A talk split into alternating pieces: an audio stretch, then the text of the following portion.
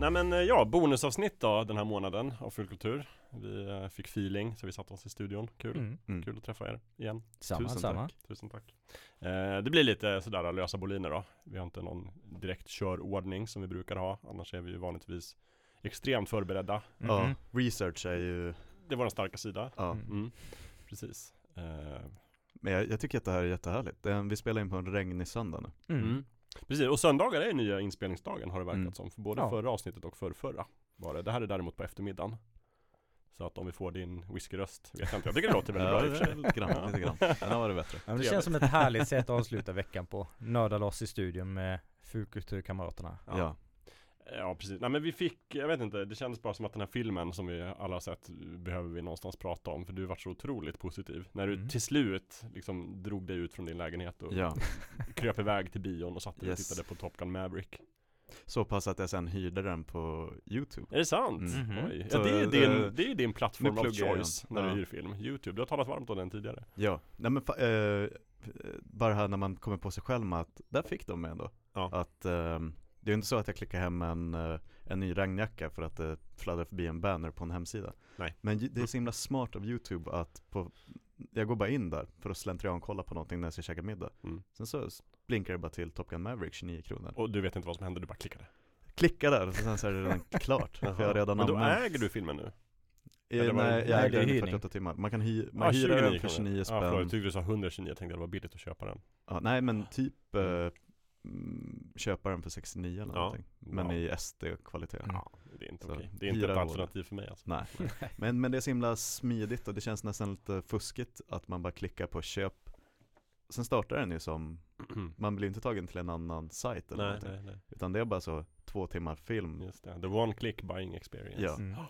Seamless Ehm, Och det är så, en annan grej som jag upptäckte är att Om du går in på en film på YouTube Så är det inga kommentarer till den förrän du har sett den Då kan du lägga en kommentar Jaha, och läsa vad andra- just det, ja, och läsa vad andra som har sett filmen Ja. tyckte om den Det är ett bra system. inte, Det är för att man inte ska få några spoilers då Ja men typ mm. Eller att Eh. folk som inte har sett en film ska he- Komma in hata och- på den. Ja, just det För att det är en trend. Just det, så man får bara hata när man har sett den Exakt. Exakt. Och, men och det tyckte jag var mysigt för då medan eftertexterna rullade så kunde jag bara scrolla ner och se liksom vad folk hade sagt efteråt. mm. Mm. Och de sa väl plus en First Mm. First, ja, Tom Cruise är scientolog, länka till någon annan video.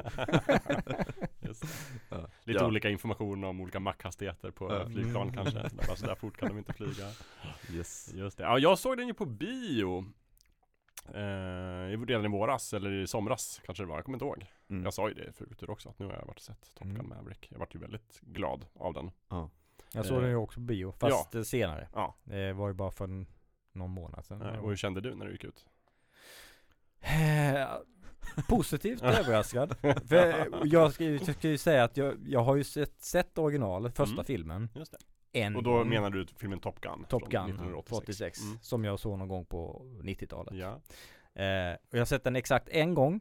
Men, och jag minns att det, det var en schysst 80-tals actionrökare. Men inget, inget jag håller som någon av storfilmerna. nej, Det låter så underligt att en film från 80-talet av den liksom typen, att du bara sett den en gång. Hur många gånger har du sett Commando med Arnold? Eller Predator? Eh, Alltså, Ja, Predator har jag sett en väldig massa Mm. gånger. om Commando har jag sett kanske stan, tre gånger. Jag hade sett Lövet har förmodligen sett Top Gun 12 gånger. Ja, jag det här jag skulle gissa på 24 gånger Ja. minst Nej. jag, jag, för min del så var ju Top Gun var en av de här filmerna som vi hade inspelat från tvn på Mm. VHS-kassett Så jag kunde se den när jag ville Vilket var, ja men vi hade kanske tre filmer som jag kunde se när jag ville Ja. Top Gun var en av den, så det var oftast den jag ville se Mm. eh, Så jag har sett den åtminstone, ja men kan, jag, alltså 42 gånger kanske totalt Oj, ändå. oj, oj. Ja, vi, vi fick ju parabol-tv ganska tidigt. Ja. Så jag såg det på någon av de så här, betalkanalerna. Eh, när jag kanske nio, Mm. nio bast eller något sånt där. Och tyckte man, ah, ganska schysst. Och sen tänkte jag inte mer på den. Ja, den nämns ju med jämna mellanrum i populärkulturen. Så jag har ju tänkt på den ur andra perspektiv. Men jag Mm. bara, jag har inte tänkt på att titta på den Mm. igen efter den gången. Nej. Förrän Maverick dök upp. Ja. Sen blev det inte att jag tittade på den igen in, inför Maverick men det, det var min tanke i alla fall. Eh, men eh, så i och med att jag inte var så super, super entusiastisk under första filmen så trodde jag att eh, jag skulle vara så här, eh, Mm. reaktion på Maverick. Eh, och även om jag inte är lika positiv runt den som du är så, Gurra, så tyckte jag ändå att den, den, den lyckas med någonting som inte många moderna filmer Nej. lyckas med. Och inte så många så här reboots eller remakes eller uppföljare på så här gamla 80 80-90-talsfilmer. Det är, det är inte så många av dem som blir lyckade. Och det, det måste jag ju säga, den är ju en jättebra uppföljare på en, en gammal en gammal klassiker. Jag, eh, jag tänkte att vi under den här inspelningen så ska vi hinna bara försöka oss på att förklara varför vissa filmer eller tv-serier inom reboot-genren eh, lyckas med att flörta med föregångaren och varför det ibland inte lyckas alls. För jag tycker båda den här, vi, du och jag pratade om Prey-lövet Mm. i ett avsnitt för inte så länge sedan. Och de kom ju till och med undan med att säga If it bleeds we can kill it. Mhm. Och jag bara satt och skrattade, tyckte att det var svinhärligt. Men andra grejer som vi har sett och pratat om i fullkultur tidigare, typ Star Trek Picard. Eh, där var det vissa blinkningar till tidigare, det var så här, ah, ah Easter eggs är överskattat. Mm. Typ. Mm. Ehm, Ja, det tänkte jag faktiskt på häromdagen att eh, det känns som att The Orville har gjort ett bättre jobb med att eh, fortsätta på Star Trek än Mm. vad Star Trek-serierna själva gör.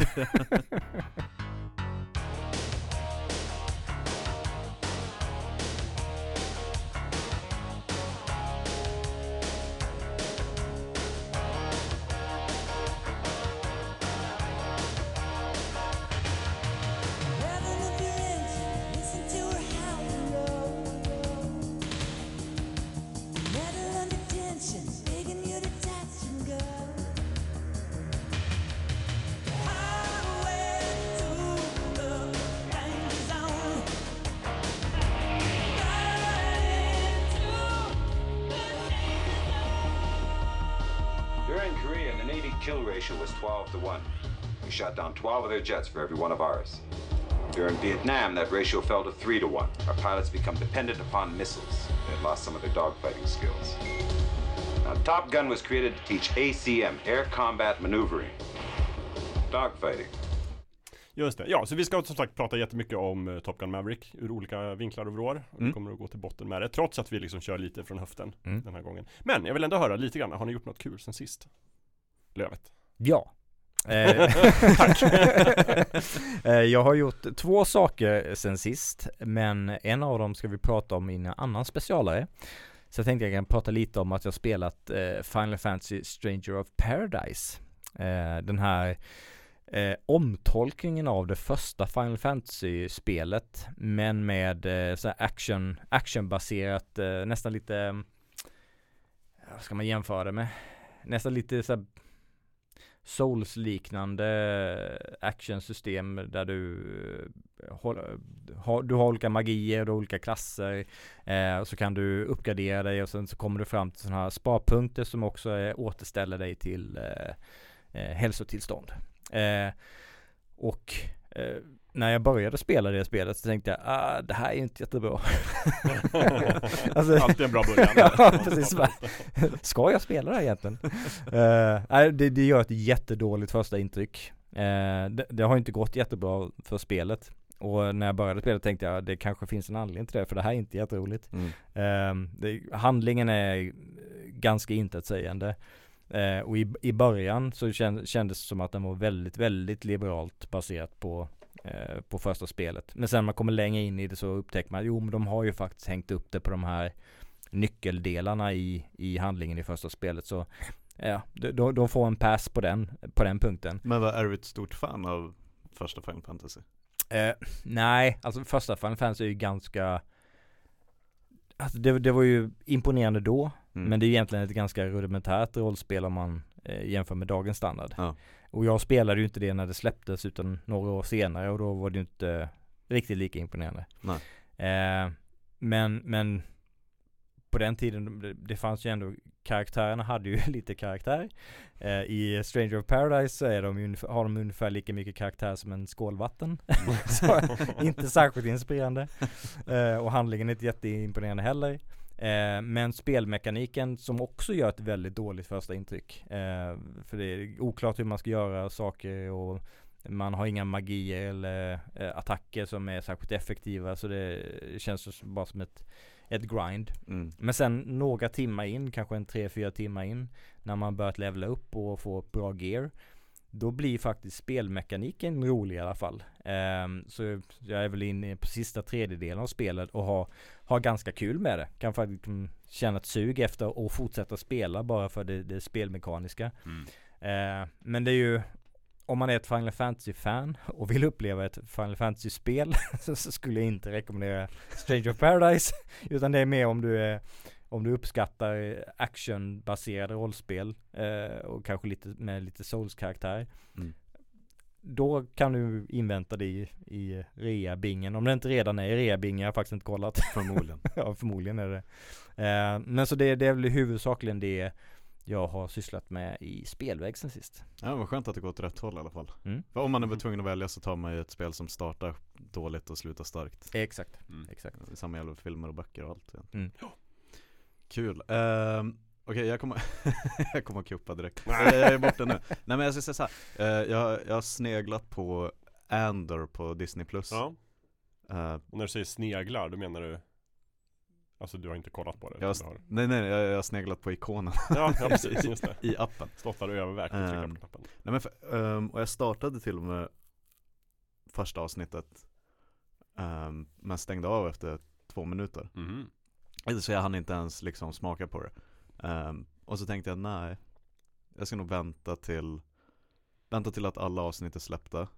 Det här blir lite Du och jag satt ju i förra avsnittet Jakob och sa det är så härligt nu att de Att man ser fram emot Sagan om ringen fredag och House of Mm. Dragon måndag. Det gjorde vi, det sa vi. Eh, Men ty tyvärr så insåg jag att jag har inte, jag måste ha en En regnig söndag när jag inte sitter och spelar i en fullkultur och bara plöja allt. Mm.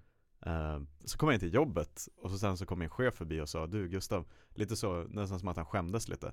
Jag började kolla på Andor men sen stängde jag av, tror du att så jag, nej men jag är exakt samma båt nu, jag ska Ja. vänta tills allting finns ute. Så är bara kolla med er, har ni hunnit kolla någonting på Andor? Ja, jag kommer till det alldeles strax. Så, Perfekt! Jag har Perfekt. inte börjat titta. Jag ska vänta till allting är ute också. Ja, Såklart. men du gör ju det by Såklart. design jag, Ja. nu, jag gör det nu motvilligt på något sätt för att Men, att men jag i. började titta på She-Hulk För jag tänkte att ja men eh, nu har jag ändå de, det, det, det är ett tag sedan de började släppas avsnitten så Mm. den borde vara ute Och sen kolla igenom allting så, så dök det upp igår så aha Avsnitt 7 ute Jaha, då, det var inte klart alltså Nej du räknade fel, men annars Ja. är ju din, din, alltså du kan ju börja kolla innan alla är släppta men du vill bara liksom aldrig behöva vänta på ett avsnitt Exakt. det det. Mm. Exakt. Du väntar hellre först Mm.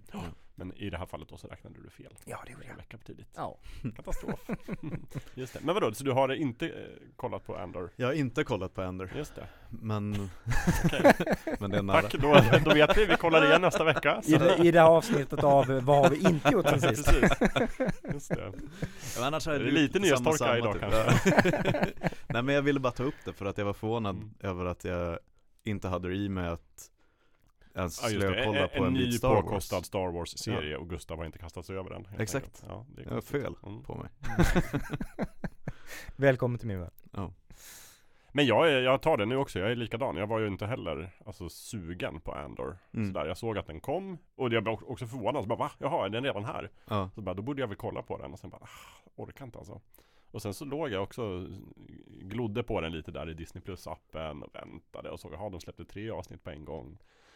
Och sen så kom det ett fjärde avsnitt och jag började inte kolla och så. Sen bara häromdagen så, så slog jag på avsnitt ett och tänkte bara okej, nu ska jag se. Med väldigt låga förväntningar Mm. och mobilen i handen och liksom kollade med ett öga och sådär. Och ur det perspektivet så tycker jag att den kändes otroligt bra. Jaha, nu har jag okej. sett två avsnitt och ska inte spoila någonting men jag De fångade in mig ändå Mhm. Genom att Lovande. inte vara det jag trodde Lovande. Det är inte, känns inte som en typisk Star Wars-serie Ah, okej. Utan den, alltså jag, jag har inte sett en Jag som sagt, jag har sett två avsnitt Och det, hittills har, saknas det ju helt liksom jedis och Liksom mm. man hör inte ordet Skywalker någonstans. Skönt. över, överlag väldigt lite prat om Imperiet och rebellerna Mm. och sådär hittills. Det är väldigt mycket liksom nere på gatan perspektiv. Och karaktärer som faktiskt verkar liksom vara någonting mer än karikatyrer Mm. och det är väldigt långsamt tempo. Det, jag, ju inte, jag vet inte vad den har fått för mottagande men många säger att den är långsam och det är den ju. Mm. Jättelångsam och jag gillar det. Ja men jag, att tror det var ganska positivt mottagande. Ja, jag kollade precis på Wiki och de sa generally positiv. Ja. Ja, okej, bra. Så att. Men jag, jag, däremot har jag ju sett lite sådana här YouTube rants om att så bara, "Åh, det här är en travesti och det här är sämst och bla, bla, bla. Sen har jag sett andra som säger så bara, det här är briljant. Eh, precis som med, med typ Rings of Power så är det också hela skalan. på Det YouTube. polariserade internet. Ja, exakt. Så att, men, men jag kan bara säga att jag blev eh, inte så att jag liksom inte kan vänta tills jag kommer hem och tittar på nästa avsnitt. Mm. Men alltså bra gjort och intressant. Mm. Och den känns verkligen som en eh, som en genomtänkt produktion.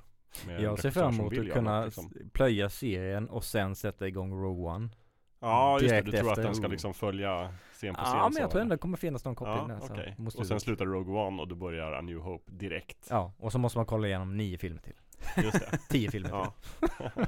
Just det. Det, det är så de har tänkt. till. Mm, Disney mm, Plus. Ja, men för jag tyckte att Diego Luna var jätte, en av de bästa bitarna av Rogue One. Ja, Mm. Ja, oh ja. verkligen. Och jag förstår absolut varför de tittade på den karaktären. ehm, och var så här, det där kan vi ha 8-10 avsnitt Mm. påkostad Disney Plus-serie. Mm. Ehm, så det är absolut inte fel tänkt. Det är inte så att jag sitter och kliar mig i huvudet och tänker varför gjorde de just den här Nej, av ja, alla. precis. Ehm, men ehm, jag vet inte. Om nästa gång vi pratar med dem du säger, vet du vad? Det här är det bästa Stellan har gjort på 25 Han har år. precis kommit Ja. in i, i storyn här, det är avsnitt två hans bästa, bästa projekt Ja. sen uh, Goodwill Hunting. Just det. Ja, jag, jag vet jag, jag, Stellan var Stellan kan jag säga i Ja. alla fall. Lite sådär. Här är jag, säg vad jag ska göra. Jag gör det. Jag är bra skådis så jag kommer göra det bra men liksom Okej. Så är vi klara? Okej, ja bra. Då kommer vi käka. Lite sådär. Eh, ja, men, men jag kan verkligen förstå varför många Alltså det finns väl någon sorts allmän Star Wars trötthet. Det kan Ja. i alla fall jag säga att jag kände efter Obi-Wan och sådär. Mm. Marvel-tröttma, Star Wars-tröttma. Ja. Men det, för min del skulle jag säga att det var för att Obi-Wan inte var det riktigt det jag trodde den skulle Mm. vara. Jag trodde den skulle vara Nej, mer tyvärr. åt Endor-hållet. Mm. Att lite mer lågmäld, avskalad, fokusera Mm. på den bakgrunden. Inget, inget överdrivet Nej, men det, sen, inte. det var ju bara en flört med 90-talisterna. ja. Nej, det, är så dumt, det är så dumt att vinka när man har ljudformat. Men jag, jag måste bara säga supersnabbt att jag kan verkligen rekommendera, för jag var inte heller tyckte att Obi-Wan var allt jag hade hoppats att det skulle Mm. vara. Men eh, A Jedi's Return, Ja just det. behind the scenes eh, dokumentären, dokumentären om. om. Obi-Wan Som de Disney gjorde så mycket reklam för på Disney Plus att Ja. jag trodde det var liksom en, va? Men Har de, vad är kuppade? Ny film? liksom sådär. Det var det inte, det var bara Jag trodde först att de hade bytt namn på serien. Ja, Att de var såhär, den kan inte bara heta Obi-Wan, den måste heta A A, Jedi's Je- Return. A Jedi's Return. Den tyckte jag om jättemycket. ja. Det är lite, mellan varven är det lite så, vi har fått en, vi måste förvalta den här gåvan och Mm, tänka på Mm, mm. eh, Men det är så himla vackert att se eh, Ewan McGregor och inklippt med lite arkivmaterial från Alec Guinness Ja. och bara så här, karaktären Obi-Wan Mm. Så det kan jag rekommendera Mm. Mm. Det är väl ett stående tips annars tycker jag att eh, Disney Plus satsar ju väldigt mycket på sina bakom-filmer. Ja. Mm. Vilket är en av de få tjänster som gör det. Jag menar, det, man ser ju aldrig en sån på Netflix. Nej. Nej. Men Disney, Det- de Amazon är det. duktiga på det men de är ännu bättre på att gömma det där materialet Ja, i, i appen Mm. Eh, Men ja, jättebra tips Jakob. Mm. De, är, de är duktiga på sina behind the scenes. Mm. Bra. Men hade du gjort någonting då? Eller vill du, det din, eh, ditt, vad har du gjort sen sist var egentligen så här, vad du inte har gjort? Eller hade du något annat? Var det, vad var kuppen? Det var Eh, att det var en anti? Nej, alltså vad har jag gjort sen sist? Jag har fortsatt, eh, fortsatt vara helt in, i, liksom House of the Dragon. Mm. Tycker fortfarande att eh, Bra, jättes, bra. bra skit. skit. Mm. Eh, och jag vet inte om det är att jag fortfarande är så förvånad över att de fick in mig. Ja. Eh, men det är verkligen alltså, kolla på avsnittet på måndag så fort jag kommer hem från jobbet. Mm. Och så sen så läser man eh, A Song of Ice and Fire Wikipedian. Och så sen någon gång där, lagom till helgen, fredag någon gång, då kommer Alt Shift X så analysvideo Just, av det senaste. Mm. avsnittet. Precis. Och så rinse and repeat. Ja. Eh, så det är ett, eh, House of Dragon är ett stående inslag nu i min, i min vecka. Mm. Eh, så vi får se, jag hoppas att de lyckas sy ihop det och att man kan komma ut från den här säsongen och vara såhär, fan, Ja. när släpps säsong två? Börjar de närma sig slutet nu? Ja, de är halvvägs. Halvvägs. Halvvägs Precis. Ja, då får jag vänta ett tag till.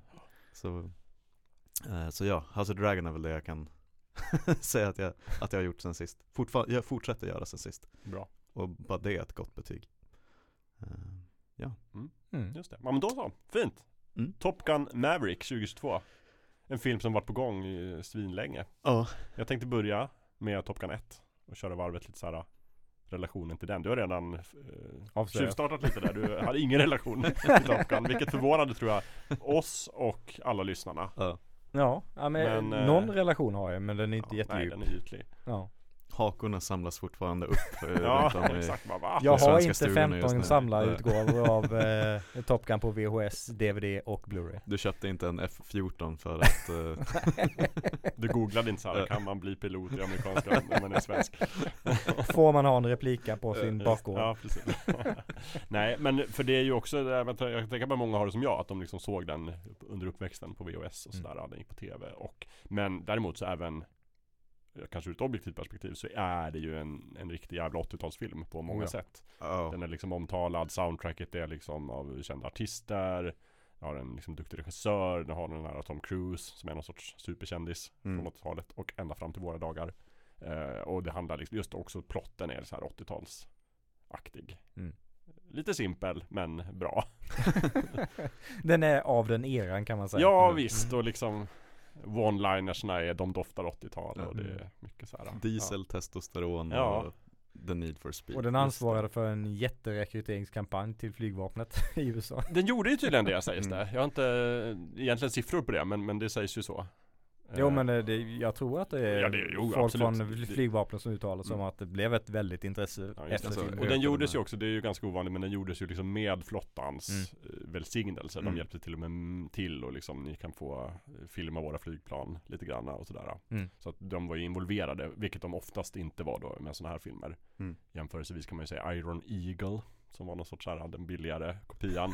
Hade inte samma, av vilken det finns kanske tror jag fyra eller fem uppföljare Jaha sen. okej Iron Eagle är ju också sån här TV4 nattfilm ofta. ah, Inte, på inte 90-talet. 21-spotten utan 0015-spotten Ja, men exakt. Eagle 3 Precis, just det. Eh, det skulle vi kunna göra ett avsnitt om bara Iron Eagle. mm. Så, men där är det ju F16 plan som de flyger och där Ja. är det amerikanska eh, Air Force, inte Navy. Mm. Och det är mycket, det är också så här, de ska rädda någons pappa som är fången i någon sorts Libyenland. Och så flyger de dit och landar och liksom, det är mycket så här. Ja, det är en bra film. Har ni inte sett Iron Eagle? Nej. Tyvärr inte nej. än än. jag gör det. Finns den på någon streamingtjänst nära oss? Kan jag inte tänka mig, men säkert hyra på YouTube. Ja säkert. Det kan ju Gustav kolla upp. Mm. Nej men i, i jämförelse med det så är ju Top Gun liksom eh, A-klass Mm. kan man väl säga i det. Och Top Gun Maverick fortsätter väl den traditionen. Mm. Och Tom Cruise fortsätter den traditionen. Nu är det inte bara så här att det räcker inte med att jag sitter i planet och ni filmar planet utan jag ska också flyga planet.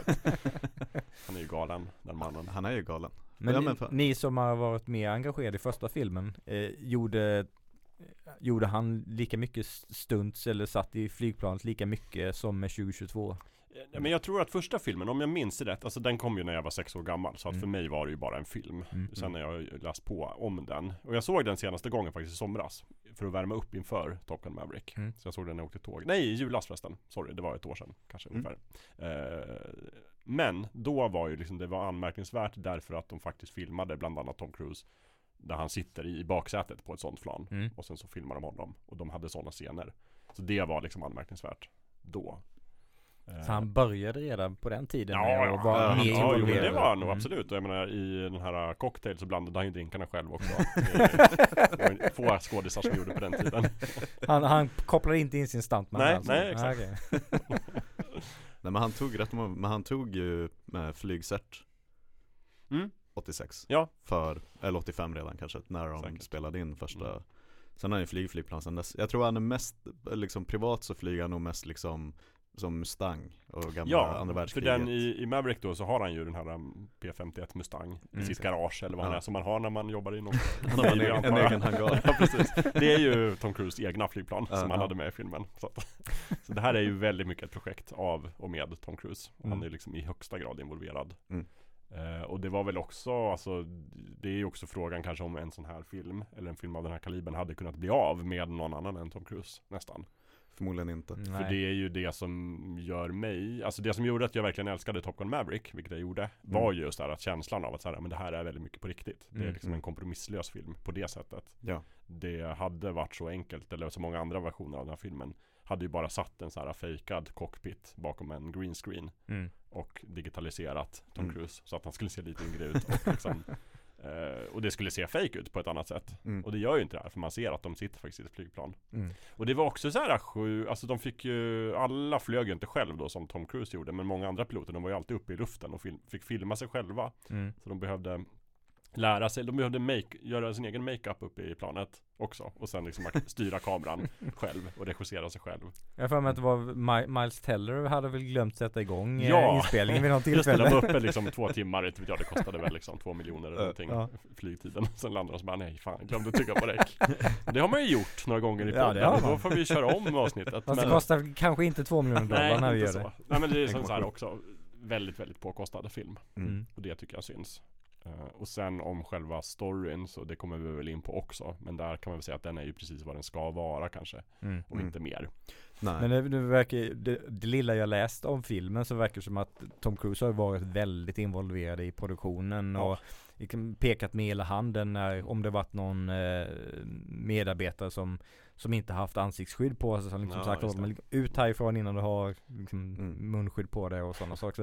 Det verkar som att det har varit lite Tom Cruise showen. Han har styrt på alla nivåer alltså. Ja men det verkar nästan som det. Mm, just det. Jag kanske inte regisserat men liksom Ja, nej, men det är nog inte långt ifrån. Eh, Det är ju regissören heter, det är Josef Kosinski Mm. som har styrt regissör. Också ligger bakom Tron Legacy, fantastisk Mm, film.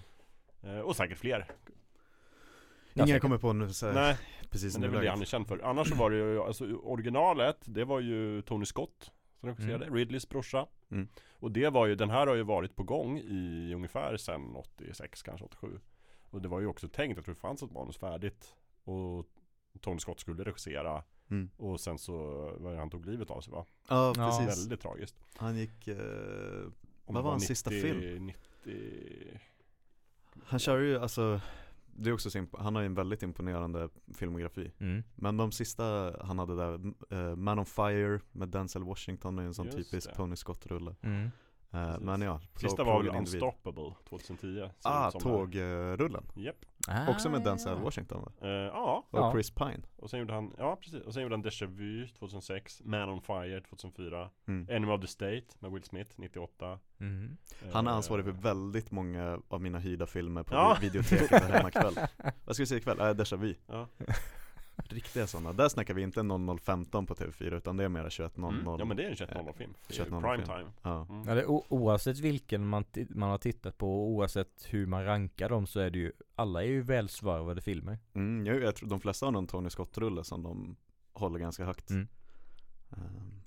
Ja, Jag, jag sa fel, 2012 gick han ju bort 2012, ja. Mm. Så att det var ju rätt sent men då var Yes. den ju väldigt mycket liksom uppstartad produktionen Mm. Sen fick den ju ett ordentligt bakslag Mm. Och sen kom pandemin Och det var ju också väldigt viktigt för, för Tom att den här filmen skulle gå ut på bio Mm. Mm. Det är ju en biofilm på det sättet Det får man väl säga Ja. Verkligen en biofilm, verkligen en biofilm mm. Du som såg den både på Youtube och på bio, vad är Ja men den håller, jag ska säga att det jag märkte eh, Jag är inte riktigt bestämt med än för vad jag tycker om det här nya att man mixar och matchar och blandar eh, olika kameror Nej, och olika aspect ratios just det, för, För den, den här den filmen blir använder IMAX ju, den blir IMAX Mm. när de är uppe i luften ja. Och så sen så kliver han ut ur planet och plötsligt får man de här eh, cinematic black bars för att det blir widescreen Mm. Mm. Ehm, För annars har jag ett annat sånt klassiskt exempel som jag tyckte var så snyggt använt var i nu ska jag säga, en av Hunger Games-filmerna Mm. Då är det någon typ av 16-9 eller så klassiskt, eller inte 16-9 men när de är nere i katakomberna i den Mhm. där träningsanläggningen Mm. Mm. Men sen när Katniss åker upp i hissen upp till startskottet Ja, för det, Hunger Games den. Då expanderar den till att bli Ah, IMAX typ Det. det är fint Det är Mm. fint Mm. Här är det lite mer hackigt att det Ja. går från ett till annat Och det, det funkar bättre på bio Mm. Än vad det det. gör på, på YouTube Ja. Då var det faktiskt Mm. att jag tänkte bara oj, vad hände där? Ja, på bio var det ingenting som störde mig direkt. Nej. Jag, jag la ju märke till det men det var ingenting som påverkade upplevelsen på bio i alla fall. Ja. Eh, så, var- så på det sättet så är det definitivt en biofilm. Eh, Och man vill ju höra brummet av planen nästan ska, skaka om eh, skaka om bröstkorgen. Men Ja, nej, den var, jag grät faktiskt när jag såg Jag grät när jag såg den på youtube Mm. och satt hemma. Ja. Jag var lite skör när jag såg Ja, den på youtube. Eh, Men eh, Ja, det det är också någonting med Tom Cruise och att han är väl, i alla fall för mig, ni får tycka annorlunda nu, men han är väl den sista riktiga filmstjärnan i Hollywood. En av få, åtminstone med manliga skådisar. Jo, men det har vi varit inne på tidigare att det, det känns ju som att det finns ju andra stora skådespelare Mm. Men det, han, han är ju den, den aktiva skådespelare som, som fortfarande känns som den där storstjärnan som, som själv bara i, att han är med kan hypa upp en film. Bara ett helt projekt. Jag menar, alltså på engelska så säger man ju leading man. Mm. Och det, det är kanske ännu mer det jag är ute efter. Ja. Att det finns ju så här, det finns ju heta skådisar och eh, skådisar som är allt möjligt. Alltså jag menar typ Tom Holland och eh, eh, Dune, hjälp mig med namnet. Eh, huvud, huvudrollen i Dune som spelar Paul. Timothy Chalamet. Timothy Chalamet, Mm. precis. Och mm, Leonardo DiCaprio och Mm. allt så här. Mm. Eh, Brad Pitt har ju börjat gå lite till pensioneringsstatus kanske. Mm. Johnny Depp, mycket kontrovers kring honom också. Men att eh, det känns som att Tom Cruise är den sista som har varit med sedan 80-talet och som Mm. fortfarande Ska vi gå och kolla på den här filmen på bio? Mm. Mm. För att Tom Cruise är med. Ja, jo men exakt. Eh, Men jag har inte tänkt för det, liksom, om man tänker typ som Anthony Hopkins. Om jag ser att han ska vara med i en film så tänker jag att det här kommer nog vara en jävligt bra film. mm. Men när man ser Tom Cruise är det mer liksom att Oh det, det, att det är en Tom Cruise-film. Alltså, Mm. Mm. Det är någonting Ja, det- Han har ju ett Speciellt med varumärke runt sig på ett sätt kanske Mm. som Anthony Hopkins är. För Anthony Hopkins är mycket mer en karaktärsskådespelare. Att han Ja. gör olika saker och man vet aldrig vad man kommer få. Man vet att det kommer vara bra. Ja, Exakt. Men det finns inte så här, man får inte samma känsla för att jaha, Tom Cruise är med. Det kommer vara en sån här film. Mm. exakt. Eh, Om det så är Mission Impossible 6 eller eh, Top Gun 2. Ja men man vet att det är ett spektakel. Ja. Ja. Även om det inte Och man vet som sagt också att stansen kommer vara Alltså på riktigt så långt det är möjligt. Ja. Och han kommer förmodligen ha liksom brutit åtminstone ett ben Ja. under produktionen. Och du kommer inte se Anthony Hopkins skrika i ett flygplan utan musik i Ja bakgrunden. nej, nej, nej. Så där har, och det får man väl säga, alltså tycka vad man vill om, om den är Tom Cruise Det kan man ju göra Ja, han är ju en alien. på många sätt och en alien och Ja. sådär. Men, men liksom han, han levererar en produkt som man, man vet någonstans att man kommer få den här Mm. produkten Mm. Eh, Och det får man ju respektera någonstans som filmälskare mm. Ja, och oavsett vad man kan tycka om hans eh, antics eh, i sitt privatliv så a, av allt man kan se från folk som jobbar med honom så verkar han ju vara liksom, the consummate professional. Alltså, Mm, ett, ja. ett, ett proffs in i benmärgen. Precis Verkligen. Ja. För han är nog nästan eh, en ännu bättre producent än vad han är skådis Mm. på det sättet. mm. Eh, Ja. Oavsett om det är Mission Impossible eller Top Gun liksom. Ja, Mm. precis. Men och sen, och då just i den här filmen så tycker jag det gör ju verkligen hela skillnaden Att Ja. det känns som att de är uppe i luften därför att de är det Ja. Eh, Det finns ju, vad är det, är det Mission Impossible Fallout kanske? Där det finns det här kända stuntet där han liksom klättrar på ett, utsidan av ett flygplan Som startar Eh, det är Rogue Nation Eller. Rogue Nation, Ja, Mission. Impossible 5 Med, Ja. eh, vad heter hon då, svenskan? Rebecca Ferguson. Eh, Just det, Mm. exakt eh, Bra film Jättebra men, men film. det stuntet, det var ju också så här, liksom, åh, det är helt sjukt Han liksom kedjade fast sig utanför ett flygplan och Mm. spelade in den själv Och den är ju mycket imponerande, men där ser man ju ändå någonstans att så här, eh, Alltså det ser så realistiskt ut på något sätt Det ser inte filmiskt ut Det ser ut som att de verkligen satt en kamera på utsidan Ja. av flygplan och filmat honom mm, mm.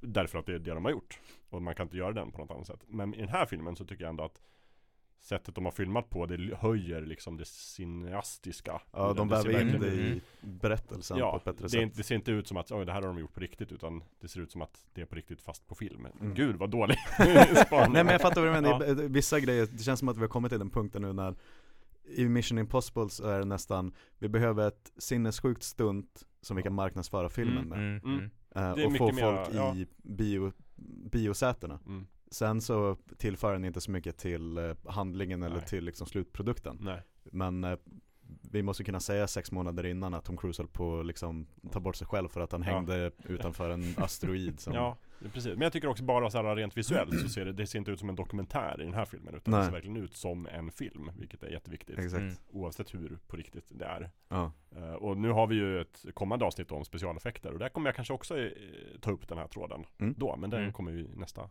ja. nästa ordinarie avsnitt så att Mm. säga Eh, Men även om de har släppt betydligt fler Mission Impossible filmer Mm. så har det ju inte samma eh, pondus som att en ny Top Gun-film kommer trots att det bara Mm. finns en film sedan tidigare. men, men så det gör ju nog att de beh- behöver ha den här lockelsen i att ja men Tom Cruise gör ett extremt stunt. Mm. Men med Maverick, de behöver inte lyfta fram sådana stunts för de, de vet att folk kommer vilja sätta sig i biostolarna med den här filmen. Mm. Ja men att det ha- mer handlar om att om det upplevs som att det är på riktigt. Mm. Eh, för man vet ju, det förstår man ju såklart att det, det är inte så här det hade sett ut ifall det riktiga flygvapnet hade gjort samma uppdrag. Det hade varit Ja, betydligt tråkigare att kolla Ja, och mm, inte sett likadant. Så det, det är ju lite suspension of disbelief såklart. Man tänker att allting är, nu har jag två timmar av att få se exakt hur det funkar Mm. på riktigt. Ja. Eh, Ja, Men- jag, vet jag vet inte om vi ska gå in på exakt uh, anledningen till att de gör det här uppdraget som de utför i, i filmen. Det tycker men, jag vi ska gå in på. men, men det är väl kanske inte helt, ehm, helt trovärdigt att taktiskt sunt. de nej, nej, att de skulle göra det här. Men det, det funkar ju som en ursäkt till att filmen ska Ja men det gör hända. det. Det gör Jag det. tänker så här bara, vi utfärdar en stor spoilervarning för Top Gun Maverick Ja. och så Mm. säger vi bara att gå och se filmen på bio om ni har möjlighet. Mm. Och hyr den på Youtube om ni inte, Inte har möjlighet. möjlighet. Det tycker vi ändå den är värda, men på en så stor TV som möjligt. Ja. Ja. Och, och bra ljud Mm. och sådär. Och så passar bra med popcorn till. Ja, Väldigt bra. Och så Ja. kommer vi ändå prata om alla aspekter av filmen utan att hålla igen. Exakt. aj, Eh, för det hela den, alltså det är väl lite det jag kan känna också om jag ska säga och fel och brister. Att plotten känns ju bara som en, eh, en ursäkt för att dels återse karaktärerna Mm. och se på coola flygplan som flyger och spränger saker. Mm. Och det här dramat mellan piloterna. Sen hela liksom den här uh, plot-devicen Vad är det om, faktiskt de gör? Det faktiska uppdraget de gör. Det här liksom Star Wars trench run Ja. Eh, i slutet. Och där väcker det ju väldigt många frågor just här. Mm. Men vänta nu. Om jag skulle planera den här attacken. då skulle jag nog inte göra det på det här sättet. Och det är också väldigt mycket så här. Bara, varför kan vi inte göra så här? Därför att. Och sen bara, nu går vi vidare. Så. Mm. det är liksom. va- Varför eh, Alltså plotten är ju att det här landet som de inte säger är Nordkorea men som förmodligen Fast hur kan det ja, vara jag, har det? sett, jag har sett eh, att folk har gissat Iran. Ja, jag gissar Iran och det kan jag berätta varför. Därför att Iran är det enda landet förutom USA som har fått köpa och använda F-14 Tomcat. Det är en viktig scen Ja, i slutet ja, att Tom Cruise då får liksom stjäla tillbaka sitt gamla plan från första filmen. Mm. Alltså det är inte hans plan men samma modell och fly med. Och det var bara Iran fick köpa det på om det var typ 70-talet eller någonting. För att Mm. då var de kompisar med USA. Mm. Så fick de köpa liksom, om det var 20 stycken eller någonting. Sen var de direkt fiender. Så, men det men det är inget annat land som har F-14. Därför drog jag direkt slut alltså att det här okända landet, det måste vara Iran. Mm. Men Men det- folk säger Nordkorea också. Men om Ja. det är någon som lyssnar nu som inte har sett varken första Top Gun eller Maverick, eh, som inte har stängt av nu för att rätta till det misstaget. eh, I första filmen så är det ju, alltså 86, det är ju helt uppenbart att fienden är Ryssland. Mm. Men de nämner ju inte en enda gång i första Top Gun heller. Nej det gör de inte. Nej. Nej. De säger bara the enemy. Mm, är Eh, så- ja. Eh, och samma sak nu i Maverick, att det är liksom inte utmålat att det är de här, utan det är bara fiender i Generation 5 Ja, de säger inte ens planen heller Nej, utan nej. det är bara såhär femte generationens stridsflygplan kommer. Det är också såhär otroligt. Hur många gånger kan de säga det liksom? Utan att det låter hackigt. Eh, För det, ja det är många trådar här att plocka upp. Ja, det, det Ja, skulle så- egentligen ja. kunna vara Iran eller Nordkorea då. Ja. Eh, Båda i- anrikar ju eh, Ja kärnvapenmaterial. just det, så- precis. Det Eller det är Sverige där. för den delen. Det är ju Ja. snö och super... Vi, vi anrikar väl inte uranium för att bygga Mm. Vi Eh, har väl inte det. sådana där? Ja. Ja. Vad vi vet. Ja men det är en enemy state i alla fall. Men jag tänker Ja. också så här att det är ju dels är det väl kanske bara politik, filmpolitik. Mm. Mm. Och särskilt då eftersom att flottan är inblandad. Så tänker jag att så här, äh, säg inte, säg inte något land som kan bli surt. Tycker väl kanske Och så, investerarna. då daterar man inte filmen på samma sätt heller. Nej men det är väl det också, just så här, Mm. för att det Ja precis, då funkar ju Top Gun från 1986 också Mm. Eftersom Mm. att man kan föreställa sig att det är både den ena och den andra nationen Då kan man inte i framtiden komma säga Ja. Hårdon trodde att det här landet skulle Ja. vara fienden. Nej men, Men- precis, och sen flyger de ju såklart MIG-flygplan mm. i Mm. första filmen Fast det är inte MIG-flygplan egentligen Det är ett påhittat plan Mm. Men det är, det är en MIG-modell Mm.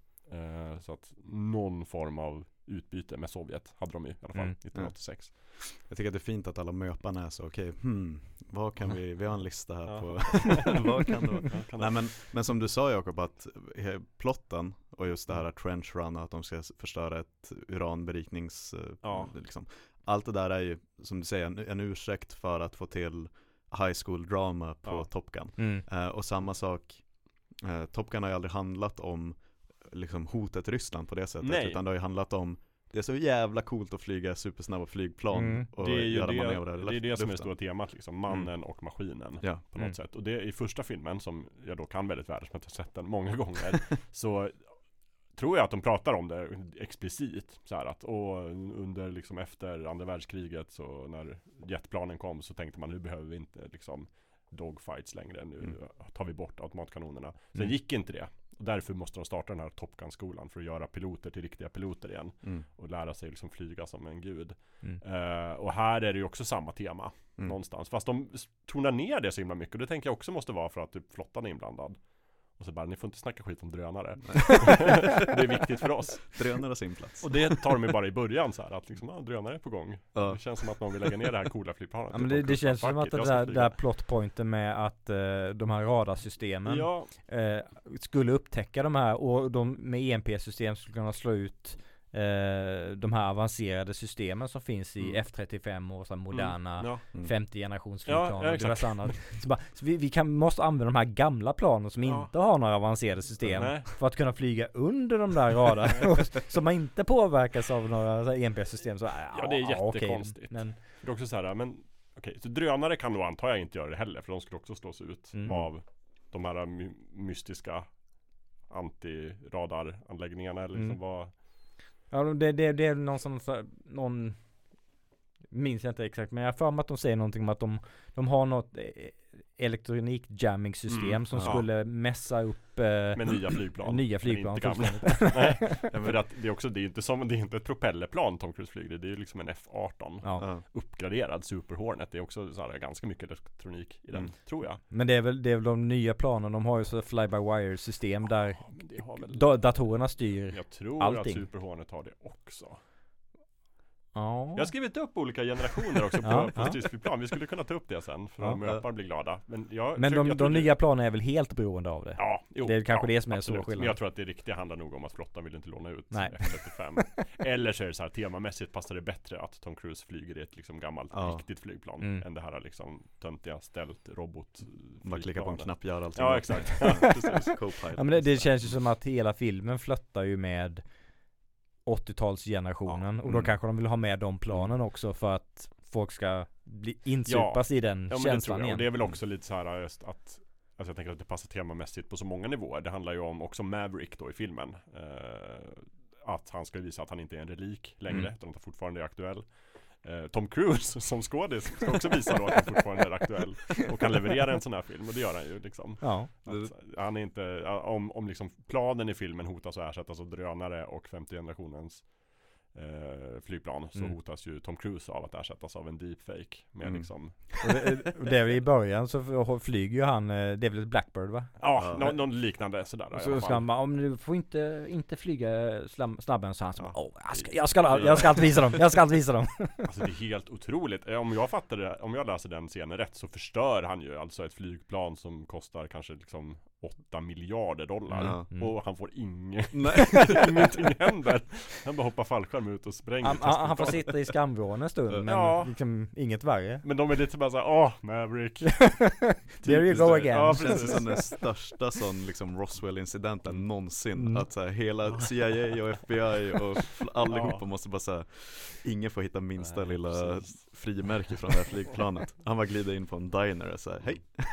Men det är också så en så här kul kuriosa för när, när han, fly, när han fly, eh, startar med det planet och Mm. flyger upp så är det ju någon, eh, det är någon general eller vad det är. Harris Harris Mm. Ja Harris General precis. Harris. Men eh, han är väl general eller något. Ja, ja, något- ja, Jo, absolut. precis. Eh, som, som ställer sig och Åh. Nu, Here he go, goes again. Och när, när, när han flyger över där så, så lättar ju taket på den Ja, här det. eh, Vaktposten ja. det. vaktposten. Och jag, jag tror det är på Ja, det är riktigt. på Jag riktigt. tror det är på riktigt. Ja, För det var nog, så jag tror inte det var bestämt att den skulle lossna Nej, så, men den nej. gjorde det. Så bara, Mm. här får vi behålla. så blir det ju ibland när man spelar in på riktigt. Ja. Liksom. Ja men det är ju gör ju också eh, för, någonting för den autentiska känslan. Mm. Att så, sådana saker inträffar. Ja, definitivt. Verkligen.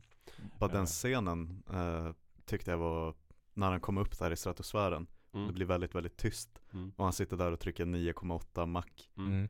Eh, och bara pratar tyst för sig själv, bara lite, Ja. lite till. Att den, eh, ibland blir jag bara så förbryllad över när filmer bara på 30 sekunder lyckas fånga mig så pass Mm. emotionellt. Mm. Jag vet inte, varför tycker jag att det, varför blir jag gråtmild av att Tom Cruise sitter i en så Blackbird Mm. Och man ser månen i bakgrunden. Jag bara satt där och var så här, det här är så bra. Ja men det, det, den enkla lösningen hade ju varit att ha dramatisk musik. Liksom, Nu ska, nu ska han eh, vara rebellisk här Mm. och, och utmana ödet. Kunna ha dramatisk musik för att få publiken att verkligen fatta att oh, nu gör han någonting som han inte borde göra. Mm. Men det, det är ju mycket mer effektivt att bara låta det vara helt tyst. Som, det är väldigt som det förmodligen hade varit där uppe, för- förutom liksom motorljud och annat. Men i ett Blackbird-plan så ska det väl vara ganska välisolerat också. Mm. För att det inte ska Ja, höra, ljudvågorna inte ska eh, smyga iväg. Men Nej, jag tyckte det nej, men som, så som det- det är ju- otroligt intim scen. Jag håller, jag håller med, jag, jag tänkte också på den när jag tittade på den liksom att Jäklar vad de, vad bra de gjort den Ja, här ja. scenen. Oväntat bra. Oväntat bra. Just det. Eh, ja men kort bara, jag googlade på det här med Jetfighter Generations för jag Ja. tänkte det är rele- säkert relevant Mm. för avsnittet och sådär. Det var inte så enkelt som jag trodde Nej. ändå. Det- Man har delat in det på olika sätt.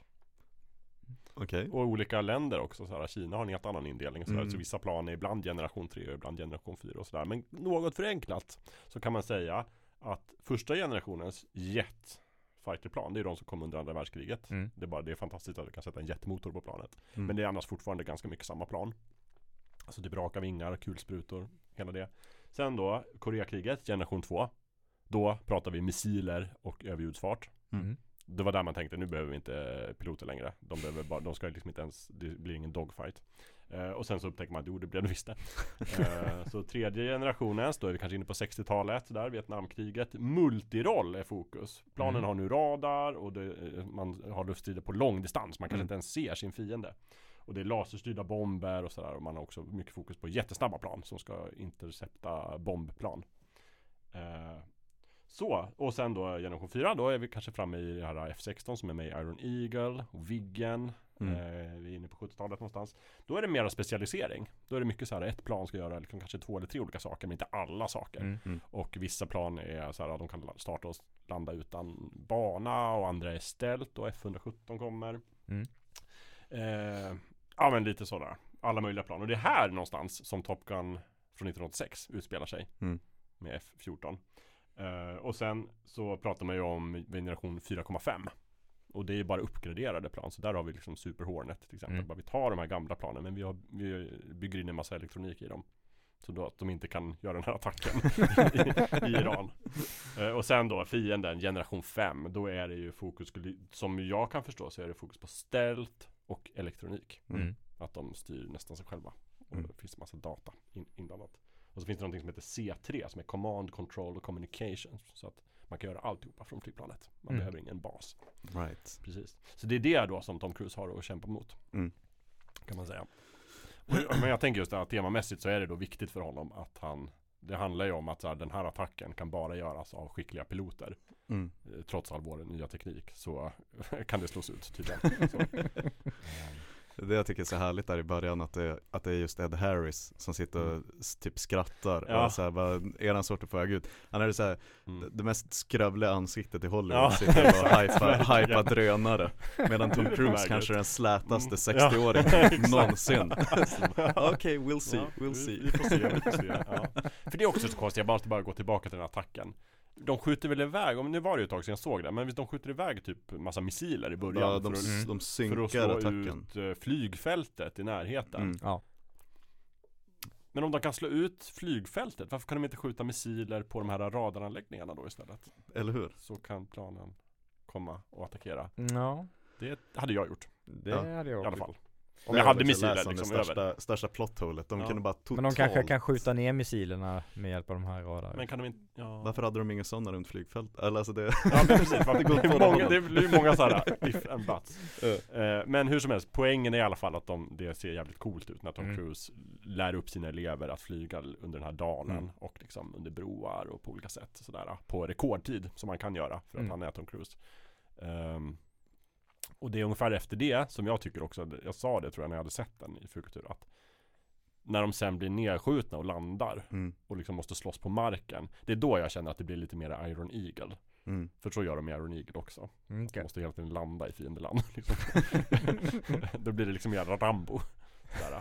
Eh, Men även om jag förstår naturligtvis såhär, symbolvärdet i att han stjäl en tillbaka sitt gamla plan Mm. F14 och flyger det och han kan det utan Mm. utan Och sen måste han ännu mer bevisa att han kan besegra de här nya moderna flygplanen Mm. med list Visa och, att han är Maverick. skills. Visa att han är Maverick. Mm, mm, mm. Och där har jag, eh, ni vet ju att man får ju bara ett, eh, ett fack eh, Mm. för, att komma, för att fortfarande vara en PG-13 eller, eller ja, utan att den får man blir rätt. Man får ett, Ja. eh, typ en av mina favoriter Man kan kolla upp det där på YouTube, Mm. det eh, uppmuntrar jag alla som lyssnar att göra Att se hur eh, PG-13 filmer har använt sitt enda fack som de får på hela okej. Kanske finns någon video vi skulle kunna lägga upp i länklistan. Det kan vi göra, Ja, för bra. att en av mina favoriter är från eh, Oceans 12 tror jag att det är Ja. bara kommer från ingenstans Så är det bara någon som muttrar på what the fuck Ja. och, så, då, då vet, om man vet att det är en grej för att komma undan ratingsystemet Ja. eh, och, Kommer vi klara PG-13 i det här avsnittet? Nej jag har redan sabbat det eh, Men att eh, Top Gun Maverick har ett av de bästa användarna av sitt enda F-ord där, När de slåss i slutet mot Generation 5 Fighter, jag vet inte om Ja. ni tänkte på det Nej. Men när de ska skjuta ner ett av de här hypermoderna planen ja. Så gör han någon jätteknäpp manöver när han bara liksom snurrar runt i luften Just det. Och så blåser de förbi planet Ja. Och så sen så ropar Miles Teller What the fuck was that? Ja. Och för att det är det alla tänker Ja. som kollar på, på filmen Mm. Det var så otroligt snyggt gjort och Sen drog de ur filmen i en halv sekund för att Mm. då dingade, Ja, det. dingade Ja, till i där. huvudet Så tänkte jag, där, där använde Där brände de sitt. Där brände de sitt Eh, Men, Men ja, någon, någon som inte, inte känner till det att, eh, att PG-13 har det mm, ett, ett, ett fax given per film Mm. eh, då, då tänker man nog kanske inte på det Nej, Jag gjorde inte det Alltså att, att folk säger F-ordet är ju väldigt vanligt i Ja, ja. film så, Ja. så jag reagerar inte på det men nu när jag, när jag ser filmer framöver och Mm. jag bara hör ett F-ord tänker jag ah Då är det för att PG-13. de har. Mm, då mm. måste man verkligen sätta det också Ja. Använda det på ett bra sätt Men jag måste säga om den här tredje akten ehm, För i stora drag så är ju akt ett är ju att han kommer tillbaka till Top Gun och ska Ja. träna upp de här uh, The best of the best, best liksom Mm. Alla, alla eh, som slutade etta i sin klass liksom de senaste Ja. fem, tio åren kommer tillbaka Mm. Eh, Akt två är ju på något sätt uppdraget När det äntligen blir dags att utföra det här trenchrunet Ja. Sen kommer den här, för mig lite oväntade akt tre Ta när oss de hem. tar sig hem Ja. liksom Mm. från uppdrag. Mm. Så Mm. för, för mig, jag förstår vad du menar, att det är så här att Top Gun ska inte utspela sig på marken Nej. Eh, Det ska utspela sig uppe i luften Men jag var så himla impad över att de tog det dit Ja. Det kändes som att jag fick en bonus tredje akt, Mm. för jag var rätt nöjd Jag tänkte såhär, den Ja. hade kunnat sluta nu Nej men jag också. Ja, det, det vart, jag tycker att det vart lite mer liksom kalkonigt så. Men det, Mm. jag också nöjd. För att nästan alla filmer jag har sett har ju problem med tredje akten. Jag blir alltid Ja. lite uttråkad i tredje Mm. akten. Jag tänker okej, ja. Eller, eller så har de problemet att det blir en berg dalbana på slutet Att Ja. det händer jättemycket saker och sen så Ja. Nu är det slut Ja men Ja, precis. Alltså Marvel och DC har ju det Mm. Ja, Så, eller ja, det Jurassic- ganska Jurassic bra, men nu ska World. hela världen sprängas 50 gånger Ja, om visst. innan Nej, men alltså allt, alla så här, den stora CGI-striden i slutet Mm. tycker jag är svintråkig. Oh, ja. Ja. Jag kände inte så här. Jag kände att det var spännande in i sista, Mm. In i det sista. Så att bra gjort. Jag reste mig liksom upp i stolen och så, så satte jag mig ner igen och var såhär, okej, Mm. nu kör vi, nu kör vi Och sen det här med, med, du sa att du blev lite tårögd när Tom Cruise var uppe i atmosfären och Mm. sådär. Det är ju för att jag tycker ändå att manuset, alltså de lägger sig på rätt nivå. Det handlar ju om Tom Cruise, hans karaktär, inte för djupt och inte liksom för nyanserat, men ändå Nej. liksom den finns där. Det finns Mm. en story. Han Ja. är en karaktär. Han har riktiga känslor, han har en drivkraft, han vill bevisa sig. mm, Det funkade i första filmen Mm. och det funkar i den här filmen också. Jag gillar någonstans att det har gått, vad är det, eh, 32 år mm, mellan filmerna. De, ja, på tal om att det här är liksom någon sorts reboot, eller soft reboot, eller vad det heter.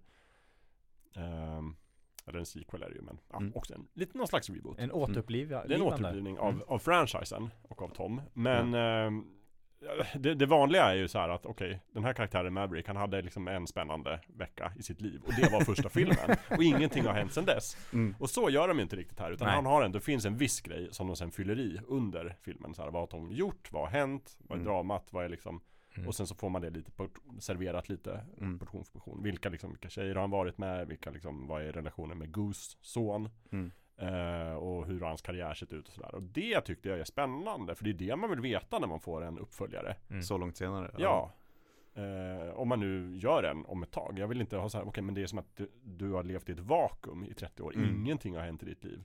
Och nu är du tillbaka för film nummer två. Det är ju svintråkigt. Ja, Men det, det som jag, jag tycker är imponerande är att de, de gör ju allting som man kan förvänta sig de har den här beachvolley-scenen med, Män utan tröjor Mm. Eh, de, de har den här scenen där man får, eh, där de, han träffar Iceman igen. Mm. Eh, De, de Ja. pratar med Val Kilmer som inte kan prata egentligen längre. Mm, Just det. Fick använda AI för rösten där. Det är hans son tror jag, och sen har de kryddat den med Mm, AI. mm, Mm. Eh, men med, och, och de har ju tagit och den 80-talsflöttande musiken så de, de, de har ju allting man kan förvänta sig. Men det används på ett sätt så att det, blir inte Det blir inte ostigt, det blir inte så här, eh, sökt utan det, känns naturligt i filmen. Så man, man får den där vällustkänslan av att åh, ja där är den karaktären och där Mm. är den karaktären. Men det, det känns inte som att det bara är fanservice utan det är integrerat i handlingen på ett, på ett bra sätt så det känns naturligt Ja. när man tittar på filmen. Men, men återigen, varför känns det, varför funkar det? Jag tror att det har att göra med att, för jag har tänkt så här, var, varför tyckte jag att, varför tyckte jag att det inte funkade i typ eh, The Force Awakens? Ja. Att de gjorde om Mm. samma sak en gång till. Mm. Varför tyckte jag inte att det funkade i så himla väl i typ Indiana Jones and the Kingdom of the Crystal Skull? Det är så här för att, jo, för att det är så Många uppenbart att, eh, att, att Harrison Ford inte vill vara där. Ja. Men det finns ingen som vill vara där mer i Top Gun Maverick än Tom Cruise. Nej. Eh. ja, verkligen. Alltså, förlåt, men Indiana Jones and the Kingdom of the Crystal Skull Det är ju verkligen exakt så här. Indiana Jones Plötsligt är det 1947 Ja, Och vi har bara tryckt på pausknappen efter The Last Crusade Mm. Han har samma jacka på sig, ingenting Ja. har hänt Han har samma kepp, eller samma hatt ner i kryo med dig så Ja precis, verkligen så här, dig Vi med, plockar fram det om, om typ 25 år Då ska Ja. du göra ett nytt äventyr och, och han är så trött Ja. Och dessutom också så här effekterna, så otroligt dålig CGI Ja. Så att det är verkligen så här noll eh, spänning Ja, ja men för det är lite den där uh, Top Gun Maverick hade kunnat mycket mer än vad den gjorde ändå falla in under eh, skicka vidare stafettpinnen Mm. till den yng- yngre generationen. Mm. Mm. För det, mycket av filmen bygger ju på att eh, Maverick är fortfarande Maverick Mm. men det finns en helt ny generation av piloter med Miles Teller då som spelar Mm. Goose son från den Just första det. filmen. Just det. Mm. Så otroligt Eh. bra casting måste jag bara säga Ja, Han är ju så väldigt, kusligt väldigt bra. lik Eh, nej men det hade kunnat vara mycket, mycket mer att Egentligen är det han som är huvudrollen i Top Gun Maverick Det, Men Tom det Cruise väntade jag mig lite när jag, när jag började titta på Jag filmen. också. Att, att, att Tom Cruise ändå skulle, eh, hans karaktär skulle lämna över batongen i, mot slutet. Precis Och, och att Miles Tellers karaktär skulle vara nya Maverick Mm. mot slutet. Mm. Men så Ja. blev det ju inte Nej. Nej, det, och det är det jag tycker är så härligt att eh, Miles Tellers karaktär eh, Han är verkligen en, en biroll på det sättet att han är där för Tom Cruise karaktär Mm. att utvecklas Mm. Så det, är- det är definitivt eh, Mavericks Mm. resa Som vi får följa även i den här filmen. Ehm, Då var jag jätte, jätteglad över att Mm. de gjorde det. Jag var, jag var lite orolig för att han skulle vara den här eh, Gamla Indiana Jones Ja, Mm. Som måste haka på för att han är den enda som vet hur man gör det här. Ja precis. Men sen när slu- filmen är slut så har han lärt upp sin efterträdare Precis. Ja. Och kan dra sig tillbaka. Så är det ju verkligen inte Nej de, de gör ju det men det är ju I slutet av filmen är det fortfarande Tom Cruise med den bästa ja. piloten. Ja, och, Men också så här, det här säger också någonting om så här olika fight generations och liksom eh, hur landet ligger 2022 Att han är den enda i hela USAs militär som har liksom skjutit ner Ja? Eller det är två personer som har skjutit ner fiendeplan överhuvudtaget Och han är Precis. det enda S för han har skjutit ner fem stycken Mm. plan Mm. Det är liksom inte hänt på hela 80 och 90-talet Så inte en enda luftstrid det, är liksom, det är där vi är någonstans i tekniken ja. Eh, det, finns ju inte än liksom, så att han är verkligen på det sättet en relik Mm.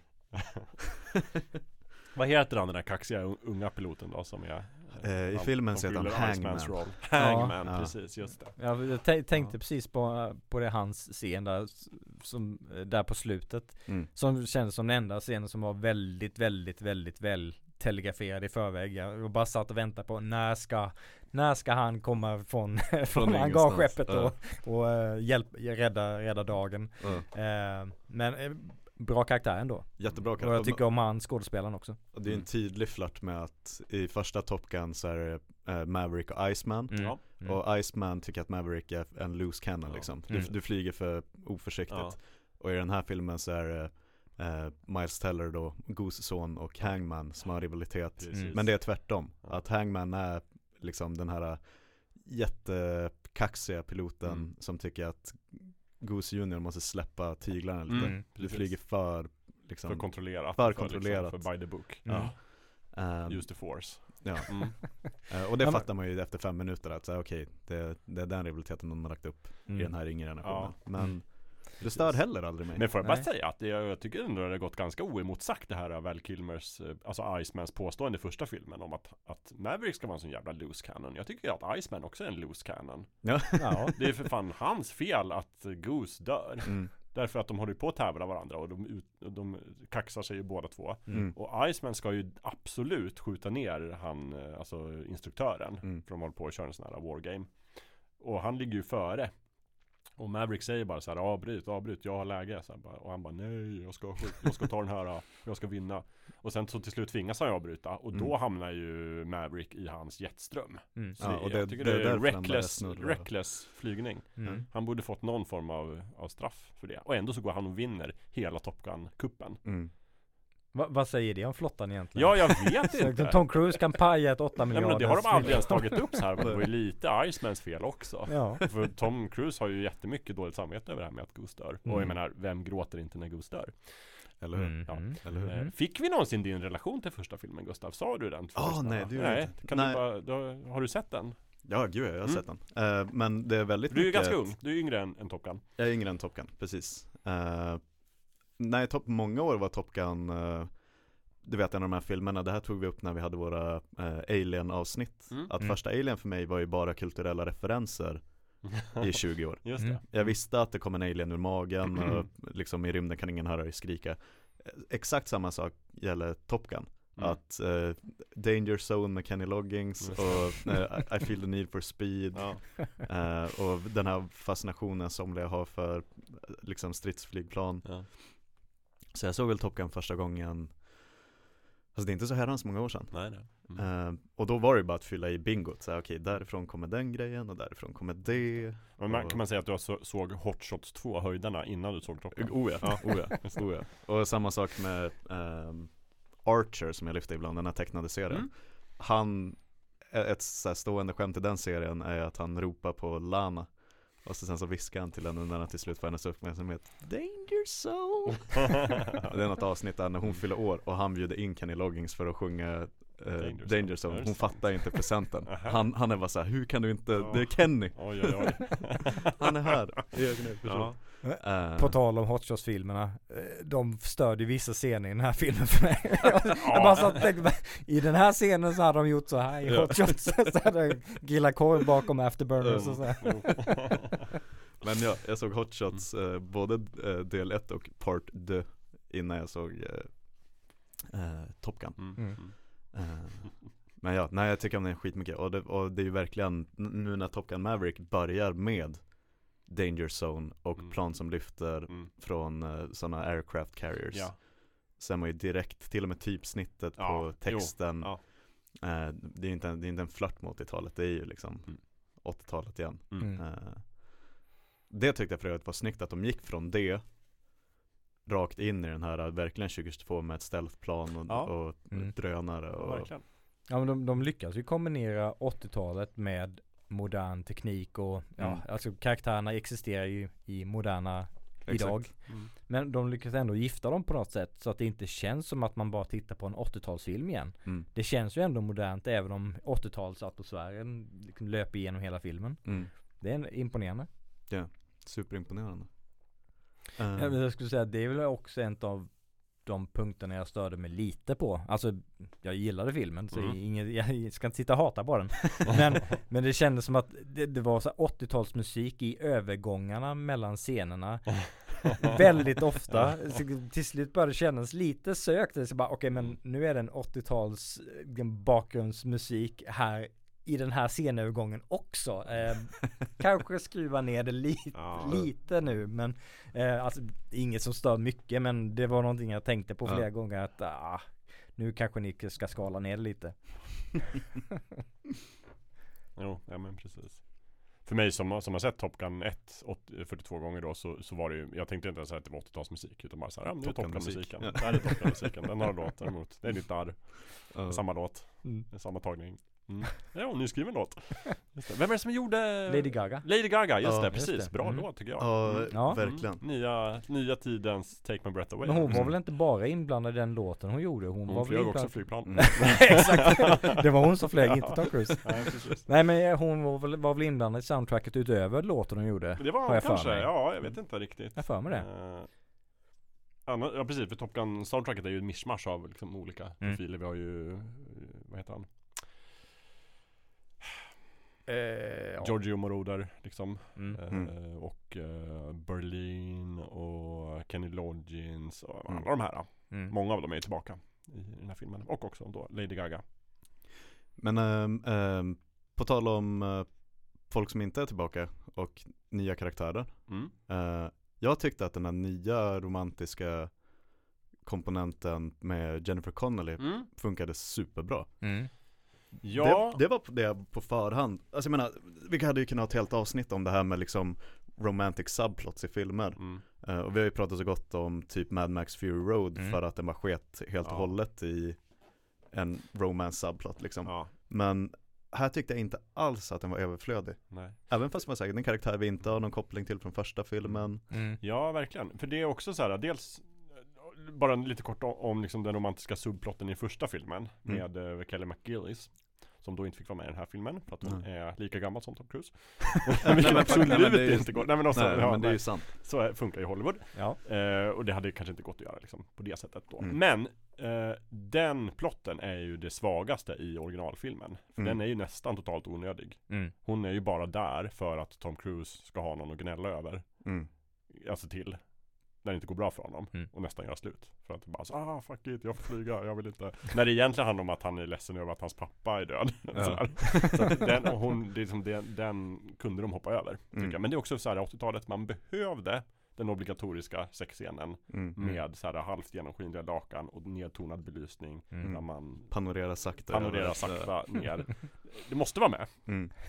Tänker Annars jag blir det ingen film. Ja men menar alltså, och, och helt ärligt, typ, eh, jag tycker att posten till första Top Gun är Ja. fantastisk där på motorcykeln Mm, ja, med de två. ja. Men det, det är ju verkligen, den posen skriker ju inte där en film som till 98% handlar om flygplan i Mm. överljudshastighet. Nej. Utan det är ju verkligen den 80-tals eh, snygga paret. Mm. Verkligen. Det roligaste tycker jag med det är ju att nu också då i Maverick hur de gör det liksom till någonting roligt är ju att där får ju i första filmen så är det ju hon som ehm, eh, Alltså Charlie som hon Mm. heter Som kommer in och han flörtar på, mot henne och sen så visar det sig nästa dag att hon är egentligen den här civila instruktören som är Mm. inkallad Mm. Och här får ju då Maverick göra samma sak Mot sina unga elever. Ja. Eh, Men jag tycker också att just här Jennifer Connelly-plotten funkade jätte, jättebra Mm. För jag trodde verkligen så här, okej men det ska bara vara en kopia av den Eh, Och det var det inte Nej, Det jag, var ju jag har sett kritik mot det, ja men de, de tog ju bara med Jennifer Connelly för att hon har åldrats lite bättre än vad McGillis gjorde. Men eh, å andra sidan, det, det är ju egentligen fullt logiskt att hans kärleksliv har väl kanske inte stått stampat på exakt samma plats som, som det var på 80-talet. Mm. Han kan ju ha träffat andra kvinnor under årtionden som har följt efter det. Så att mm. det är ju i sig ingenting konstigt att han har haft en flamma någon gång under de 32 åren som har gått sedan dess. Nej nej, i, att- storyn är det ju inte konstigt Nej, Nej. liksom. precis. Och att de kanske var, jag vet inte hur många liksom, vi ska ta tillbaka det här från första filmen, de hade kunnat eh, liksom, det känns som att de stannade precis på rätt sida. Nu, nu blir det flörta med förra filmen, Ja. overload. Mm. Mm. Ehm, att, men, eh, ja, jag vet inte, jag tyckte att den tillförde Ska jag säga, alltså han, mycket av filmen går ut på att han Han vill inte släppa iväg dem utan att någon av dem kommer tillbaka Mm. Det är lite det, hans kritik mot Mm. planen är att Mm. ni har dimensionerat det här för att få dit dem, spränga basen men Ja. sen kommer alla att dö på vägen hem liksom. Ja, Mm. Mm. Eh, och att eh, han brottas med eh, att Goos son han, han har hållit honom från Mm. att bli en pilot Mm. men nu är han här Men om man skickar iväg honom, han kommer inte kunna leva med sig själv ifall Goose inte kommer hem liksom Mm. Mm. Men att det är hela tiden att han Han är orolig för de yngre Mm. i filmen Mm. eh, Men sen där i slutet När John Hams karaktär säger att jag kommer skicka iväg dig Mm. som det. liksom teamlead på det här uppdraget Ja. Eh, att då blir det plötsligt det var, Jag tyckte att den scenen var väldigt, väldigt vacker när han tar på sig sin vita sin vita dress eh, och hatten Mm. och komma in där på baren för att nu är det han som ska liksom eventuellt säga hej då till, det. till. Jennifer Mm. Connelly. Det Mm. tyckte jag var väldigt snyggt gjort där. Mm. Eh, och uh, återigen en scen där jag blev lite så här, kom på mig själv med att bli väldigt påverkad. Eh, Även fast det är ganska liksom mm, Det är inte så att jag aldrig har sett den typen Nej. av Ja, nej. uh, Men det, det är ju ganska liksom Det är inte så subtila grepp och det är ganska klassiskt Men Ja. det är snyggt gjort Det är väldigt Mm. Snyggt gjort. mm. Mm. Och Jennifer Connelly är ju en eh, Alltså hon, visst hon ser bra ut men hon, hon har ju Hon har ju mycket karaktär i sitt skådespeleri så Ja. hon, hon är, känns ju trovärdig i den rollen och de, de Mm. sam, samspelar väldigt Mm. bra också Precis, ja och det får man väl ändå säga alltså, att hon är 51 år mm. Så att Mm. de har inte, det är inte Anna de Armas som Nej. spelar Tom Nej, det hade- det hade Interest. För irriterat hade, mig. Det hade varit om Leo hade gjort en film kanske Exakt så, så att det är ändå så här, det, det är 25. rimligt någonstans Alltså okej, hon är en liksom en, en mamma och de har haft en relation tidigare det, det, Mm. det finns en tyngd i den karaktären Mm. ändå Ja. Mm. Ja, Hon var med i Rocketeer för länge sedan ja. just det, Jennifer Jennifer Connelly. Och A Mm. Beautiful Mind Ja, mm. Också en väldigt bra Ja, väldigt väldigt, bra film. bra film precis Och Snowpiercer på Netflix mm. Right, just det Och eh, Hulken med eh, Anglis Hulken Ang Lees Just Hulken det. ja. Ed- Ed del av Norton, Marvel eh, Cinematic mm. Universe Nej, Edward Norton var ju filmen Nej just det, det var efter. den in, ja, Mm. efter Den heter bara Hulk Mm. Just det, mm. Mm. Mm. Mm. då är jag med, då är jag med Ja, precis. Och eh, A Beautiful Mind. Mm. Mm. Jag läser till. Ja. Mycket blandad eh, filmografi kan man säga. Också Alita Battle Angle 2019. Kanske inte den bästa filmen. Ja, Nej, jag just tyckte det, den var bra Ja, jag Christ- sa det. Christopher Ja. Waltz Dark City, bra film. mm. mm. Ja, Requiem for a, nej, uh, Requiem for a Dream ja. Ja, Också väldigt bra precis. film, Ja, väldigt bra roll som jag inte kommer att se mer än en gång tror jag Jag tror jag har sett den två gånger men det, det, är, ju- det är inte en lätt film att se Nej, nej den är, den är jobbig Jobbig film Mm. Det är egentligen antitesen till Top Gun Maverick for a Dream Mm. Gjorde sin debut 1984 i Once upon a time in America. Det är ju en bra film. Jaha, bra med James Woods och Mm. De Precis. Niro Ja, vi skulle kunna ha ett helt Jennifer Connelly avsnitt. Det skulle Vi kanske måste ha det Ja, Ja. vi måste nog ha det. Ja. Dags. Vi tar det som nästa del i våran Mm. kreatörer-serie, alltså, Ja. subserie. Mm. Eh, men kan vi, en annan, kan vi bara prata lite om Val Kilmer? Ja, Som ju är ändå tillbaka. Kanske Mm. hans sista roll får man väl säga. mm. Eventuellt. Men alltså, har ni sett eh, hans, den dokumentären om honom?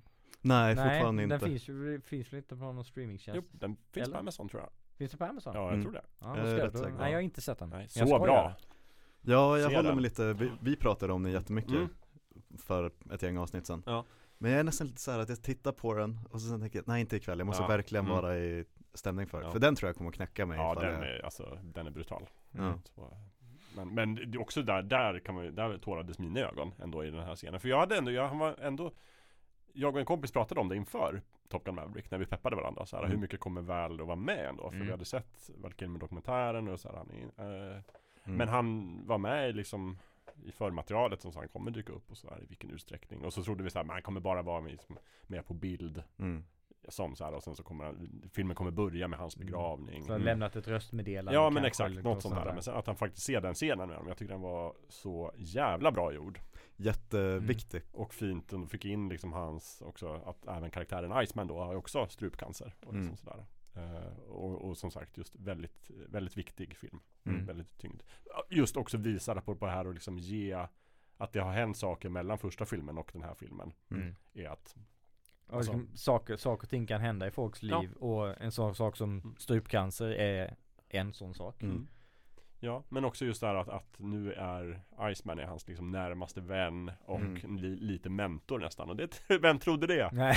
När de stod där på hangarfartygets däck och ja. sa You can be my wingman anytime. Där är ju, började det ju liksom och sen Mm. har det fortsatt hit. Men också visar liksom just det här hur, hur han har gjort karriär jämte Maverick som inte har gjort karriär. Nej. För att de har helt olika inställning. Och Maverick har hållits tillbaks Mm. lite av ja, det som hände med Goose och Ja, exakt. annat. Visst. Och han, är, Precis. han är absolut inte en politiker Nej. Nej. Men Iceman hade Nej. det mera ka- karriären i Mm. sig Ja, Mm. Det är ju där i början av filmen när, när eh, Ed Harris Det är väl inte både Ed Harris och eh, John Hamm Ja. ekar väl samma grej att Mm. du borde typ vara en fyrstjärnig admiral Ja, precis. Men du är fortfarande bara en kapten. Just det. Och hade det inte varit för Iceman så hade du eh, Var fått ute på för länge sedan. ja. Vilket är, man kan, man kan förstå att eh, han hade rykt för Ja, länge jo. sedan. ja men precis. Mm. Men alltså, men om den scenen också eh, för så, vi, vi pratade ju första 20 minuterna om spektaklet Tom Cruise Mm. eh, och alla stunts. Ehm, det var ju länge sedan han behövde skådespela som han gjorde back in the days med typ Jerry Maguire och Mm. Rain Man Mm. och ehm, ja, många av hans filmer på liksom 80 och 90-talet när han var lika mycket en karaktärsskådis som han var en stuntskådis. Det har ju Mm. verkligen tagit över handen på senare år. Så eh, jag skulle säga att det var länge sedan han behövde visa så pass att han kan skådespela som i den scenen med Iceman. För att Mm. han har ju ingen att, han har ju ingen att prata med. Det är, ju Nej, en, nej. det är ju på sätt och vis en, en monolog Ja. Medan Iceman bara sitter där Mm. Mm. och tittar på honom. Mm.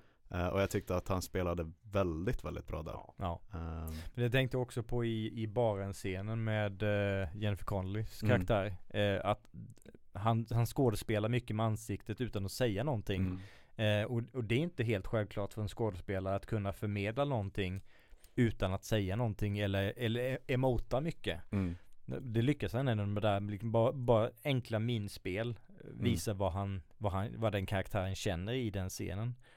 Så det, det visar att han, han har ju lite acting chops även om han inte visar det så mycket nu för tiden. Och, nej men jag tycker att det, jag tycker att det märks ehm, att det inte Han hade ju kunnat spela Ethan Hunt igen För att det, han har spelat Ethan Hunt sex gånger sedan första Top Gun släpptes liksom Mm. Men eh, jag tycker att man kan eh, Man ser på minspelet att det är Maverick Ja. Och det är inte någon av Tom Cruise andra roller Mm. ja, verkligen. Ehm, Och det måste vara svårt när man är så Han, har, han kan ju inte gömma sig bakom att in, Alla vet ju att han är Tom Cruise Mm. och Mm. han har ju inte på sig några sådana liksom makeup som gör honom oigenkännlig. Eh, så där tycker jag verkligen att det är bra jobbat av honom att vara Maverick Mm. och inte någon annan av alla hans karaktärer Mm. De senaste 20 åren liksom. Och det känns, känns ändå som att all, all den framgången han har haft på senare tid och alla de här eh, uttalanden från hans medarbetare om hur vilken fantastiskt trevlig och proffsig person han är. Mm. Det börjar nästan lite ta över narrativet om att han är den här galne scientologen. I alla fall känner jag det så att det, det, och hade du frågat mig för några år sedan så hade jag förmodligen tänkt att den där hoppa i soffan scientologen liksom. Men nu, nu är det mer så liksom, det är- en av de sista riktigt stora filmstjärnorna och liksom verkar vara jätteuppskattad och av sina kollegor och gör sina egna stunts och ja just det han är en galen sci- scientolog också. men det är som- det blir som det är inte första exakt. rummet på samma sätt Nej. längre. Nej det kommer, alltid, det kommer alltid att vara ett eh, stort frågetecken. Mm. Eh, men, men jag håller med dig om att nu, nu är det mer att eh, i olika talkshows så ingen har någonting ont att säga om honom liksom. Nej. Ehm, ja, nej han är, han är ett mysterium Tom Cruise. Det finns ju definitivt bara en av honom. Ja, Uh, så är det ju. Undrar hur länge han kan hålla på? vet inte. Ja. Jag tyckte ändå att i den här filmen, om det är liksom för att de har makeat honom på det sättet eller olika, men jag tycker ändå man kan börja se lite runt i ögonen att han är ändå så här Mm. eh, uppåt 60. Mm. Fast Förut har ändå- verkligen bara varit den här liksom en, en replikant, en robot liksom. Helt Ja. Men någonstans här, om, de, om det är för att de har tillåtit det i filmen att det visas men Sen vet, sen, det, det var faktiskt något jag tänkte på under filmens gång att jag har nog aldrig sett eller typ Rainman tyckte jag gjorde den där grejen men annars är de ju oftast väldigt, väldigt bra på att eh, maskera att Tom Cruise är typ 1,62 lång. just Mm. det. Mm. Men i den här filmen så tyckte jag att det var Det var ingenting de gömde Utan när han typ fångar Miles Tellers karaktär på liksom flygfältet Mm. för att snacka Så ser man verkligen att Miles Teller är typ tre huvuden Ja. högre än vad, än vad Tom Cruise är Han står liksom där och tittar upp Ja, mot honom Mm. Försöka bonda med, med sin gamla kompisson liksom Mm. eh, Så där vet jag inte heller om det också kan vara någonting att Tom Cruise säger nu är jag 60 liksom Det finns inga det finns ingen variant att Hollywood ska låtsas som att det är 1,95 Mm. eh, Utan då kan jag bara få vara mig själv liksom Precis. Han kan ju ha blivit mer bekväm i sitt eget skinn med åldern också. Alltså Säkert. det, jag, jag kan tänka mig det i alla fall. mm. Sen som stridspilot är det väl en fördel att vara kort. Man får inte vara för lång. Ja. Nej Det är det eller? Han har också skjutit ut sig en gång. Då blir man ju, vad är det, två centimeter kortare. Ja, just det. permanent. Man får inte göra det mer än, Det två var inspelningen av eh, Top Gun som gjorde det. Ja, det. är, ja. Det var det som eh, pressade honom till att bli ett ace. För han var såhär, Ja. jag kan inte, om jag någonsin blir nedskjuten Ja, så kommer jag vara för kort för ja, att ja för precis, liksom, just det. För i den här filmen skjuter han ut sig Och i förra skjuter han ut sig. Så Mm. man har två då. Man har en strike till, sen Ja. är det kört. Mm. Karriären. Mm. Det måste de ju ta upp i, i uppföljaren som Ja. kommer. Varför måste- är Maverick inte med? Han är för kort nu Nej. Men de har snackat om, eh, han Teller har ju sagt att så här, jag har pitchat en, en sequel som heter Mm. Top Gun Rooster. Får vi se. Eh, Ja men på det spåret, Mm. vilka andra så Tom Cruise-klassiker kan han tänkas väcka till liv? Det kan man ju fundera på. Ja. Jerry Maguire, show me the money. Det. Jerry Maguire 2, show me the money. Undrar om på Reddit som pitchade Cocktail 2 Cock Harder Det kommer vara en, ännu sjukare cocktails mm. Ja, nej men, men det är också som du bara nämnde i förbifarten i början av avsnittet Jakob, det här att det kom en pandemi Ja, och att filmen skulle släppas redan, vadå, 2019? ja men typ. 2020? Ja.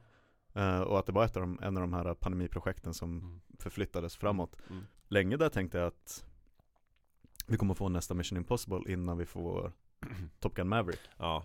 Eh, och att det var en film som uh, uh, var lite såhär, okej den, den kommer komma någon gång. Mm. Den, eh, kanske. Ja. Men hypen dog ju lite och kom tillbaka. Det var, ja en, stor, Ja. en stor överraskning för de allra flesta att det skulle bli en sån eh, box office smash. Mm. Liksom. Den går ju fortfarande som tåget. Ja. Ja. Deras men det, bästa, det, vad är det Tom Cruise näst bästa eh, highest grossing film i hans karriär tror jag. Mm, och det, jag tror det var den första som tog det här magiska 300 miljoner domestic-strecket på en vecka eller vad det nu är. Mm. Eh, Så det är en av hans största succéer någonsin. Mm. Trots att eh, alla Mission Impossible-filmer bara blir större och större och större biospektakel. Mm.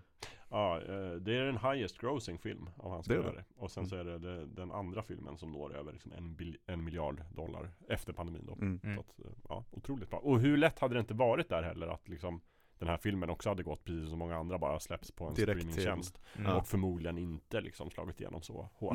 Det, det känns ju som att den är gjord för bio och måste visas på bio. I Mm. alla fall var ju det Tom Cruise stark åsikt. Nej, men Christopher Nolan hade ju samma Mm. inställning. Mm.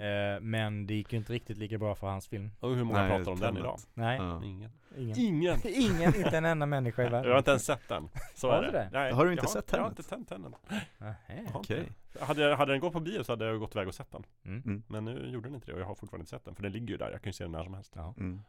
Um, alltså jag tror att vi är sådana biovurmare alla här. Mm. Eh, jag hoppas att, och det är också så här, det är så typiskt att det är Tom Cruise som ser till att, nu säger jag inte att han har räddat biobranschen, men, eh, Ja. men, men återigen att det var väl ingen som kunde tänka sig att Top Gun Maverick skulle bli liksom den största biosuccén ever på, på senare år. Nej. Eh, och komma ut så efter pandemin och göra det, men att jag, jag hoppas att det har fått folk att tänka om och så här bara vi kör nog bio på vår nästa Mm. Mm. rulle ändå. Vi eh, ring upp Netflix och bryt kontraktet liksom. Mm. Eh, Ja, det är ändå skönt för, för de, eh, de släppte ju eh, en ursprunglig Avatar Mm. igen på bio eh, för att få folk hypade på eh, franchisen Mm. inför eh, nästa Mm. Avatar-film. Ja. Och den gick ju superbra. Den gick också superbra. Mm. Så det, det känns ju som att det, det har kommit li- liv i eh, Biografbranschen igen efter pandemin. Den, den var ju ganska illa ute där ett tag. Verkligen. AMC så ju- höll ju på Ja. att gå i graven och sådär. Mm. Så att eh, det är ju Det är väldigt trevligt att Mm. både Maverick och, och andra biotitlar drar folk till biosalongerna igen. Mm. Jag menar samma sak, om det nu skulle vara så att eh, nästa Mission Impossible Som jag aldrig kommer att lära mig titeln på den, het, den har ju något jättespejsat namn, jag tyckte det var så Ja. enkelt Rogue Nation och så sen kom Fallout och den här heter ju typ Det är ett betydligt mer spejsat Dead namn Reckoning. Dead Reckoning, Deadrick. ja Jag har Part fortfarande one. inte sett Part någon. Jag har fortfarande inte sett någon efter trean. Va? Nej. Men Lövet du vet väl att du missar kanske den bästa actionserien just nu? Jag har ju fått det berättat för mig massvis med gånger att de, de är jättebra men Mm, eh, jag, jag tror någonstans Dels har, att jag inte har haft tid eh, och dels att jag inte tycker att den serien är fantastiskt bra. Mm. Och sen scientolog Tom Ja. har säkert påverkat en del också. Alltså, Eh. jag tycker att 4, 5, 6 är liksom det är en ny nivå. Om man Mm. har sett liksom ettan, tvåan, trean tycker jag var jättebra. Sen Mm. resten är liksom Mm. Tvåan var Limp Bizkit-filmen. Ja, Ja. Den, den kan man hoppa över kanske Ja. så. Men, Duvor i slow motion. Mm. men alltså Ghost Protocol. Ja, Det är fantastiskt. bra. Oj, oj, oj. Ja. Vilken jag sugen på att Nyqvist. se åtskilliga gånger per månad. tror jag. Samma, samma här. Jag har som projekt till nästa inspelning. Jag har sett åtminstone en av de nya. Ja. Mm. Vi kanske måste göra ett specialavsnitt då om Mission Impossible bara. Franchisen, Ja. filmerna, spelen. Tompan-spelen. ja. Mm. Det är ju, vad heter den, Christopher McQuarrie som är regissör också på den. Mm. Dead, Dead Reckoning. Ja. Precis, som också har gjort manus då till uh, Top Gun Maverick. Mm. Eller en av dem, det är tre manusförfattare. okej. Ja, Ja, det är flera inblandade ju. det är ju Christopher McQuarrie som Mm. är Mission Impossible-killen Mm. och också The Usual Suspects. Skrev Mm. manus på. Ja, Så okej. det är bra, eh, tungt Ja, kort. Sen är det Eric Warren Singer som gjorde en liten film som heter American Hustle. Mm. Right. Också tunt kort. Och sen är det Erin Kruger som har skrivit manus till tre Transformers-filmer.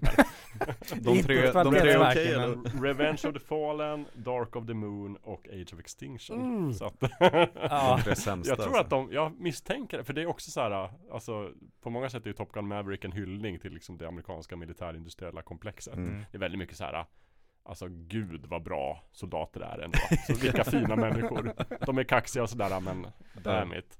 Är ju liksom moralen i den här Mm. filmen och så. Det, det, jag kan känna att han skriver sådana manus om man tittar på liksom eh, olika Transformers-filmer. Ja. Mm. Jag kommer inte ihåg vilken det är.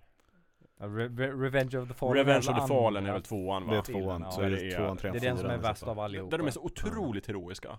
Alla Ja. soldater. Ja. Och de har den här extremt Ja. eh, rasistiska stereotypa Ja. eh, Mm. minirobotarna. Just det, precis. Mm. Jajamän.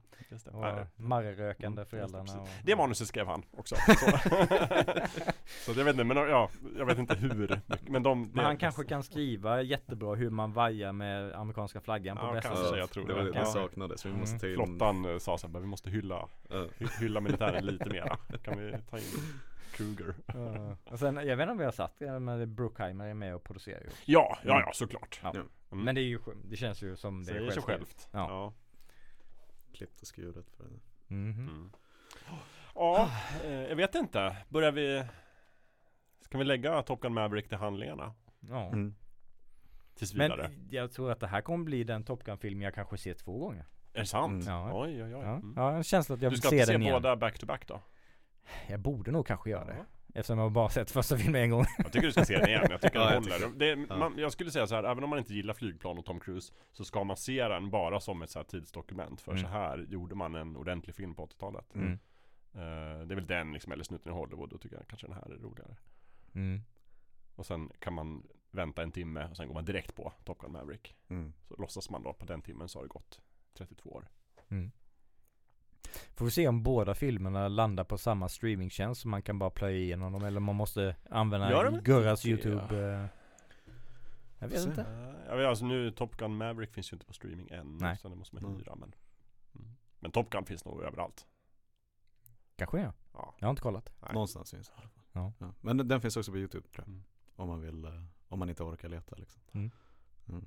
Får jag slänga in en, eh, bara så här sista, innan vi knyter ihop säcken? Mm. För nu är det ändå, jag och Levet pratade väldigt gott om Prey, som är en fortsättning på, och, och mycket tillbaka till eh, det första Predator-filmen var. Mm. Just det Alltså renodlad Men den, den, tar, den tar snarare konceptet från, från första Ja. filmen Den gör inte som det eh, är inte Predator 20, kommandosoldater 2018 igen och- att de bara försöker fånga känslan och sen göra exakt samma sak fast i Ja. modern skrud Utan där tar ju de ju faktiskt konceptet men gör en Mm. ny film på det men nej precis, den, den tar, och, och det är väldigt mycket ett 80-talskoncept. Eh, mm. liksom, okej, vi, eh, det är djungel, det är liksom en predator och det är legosoldater Mm. Mm. och så stuvar de om det. Och nu kommer Maverick som är, liksom, det är en uppföljare, men det är ju väldigt mycket det jag försöker komma till är på något sätt, om 80-talet är tillbaka nu, Mm. eh, vad, vad skulle ni vilja se från 80-talet Ooh. nästa? Nu har ni, nu, Lövet du har fått en ny Predator, Ja. som var Mm. bra, Får man bonuspeng då om man tar en ny, alltså Tom, en annan Tom Cruise film? om du vill. Ja, nej jag vet inte om jag vill. Jag måste tänka en, en sekund.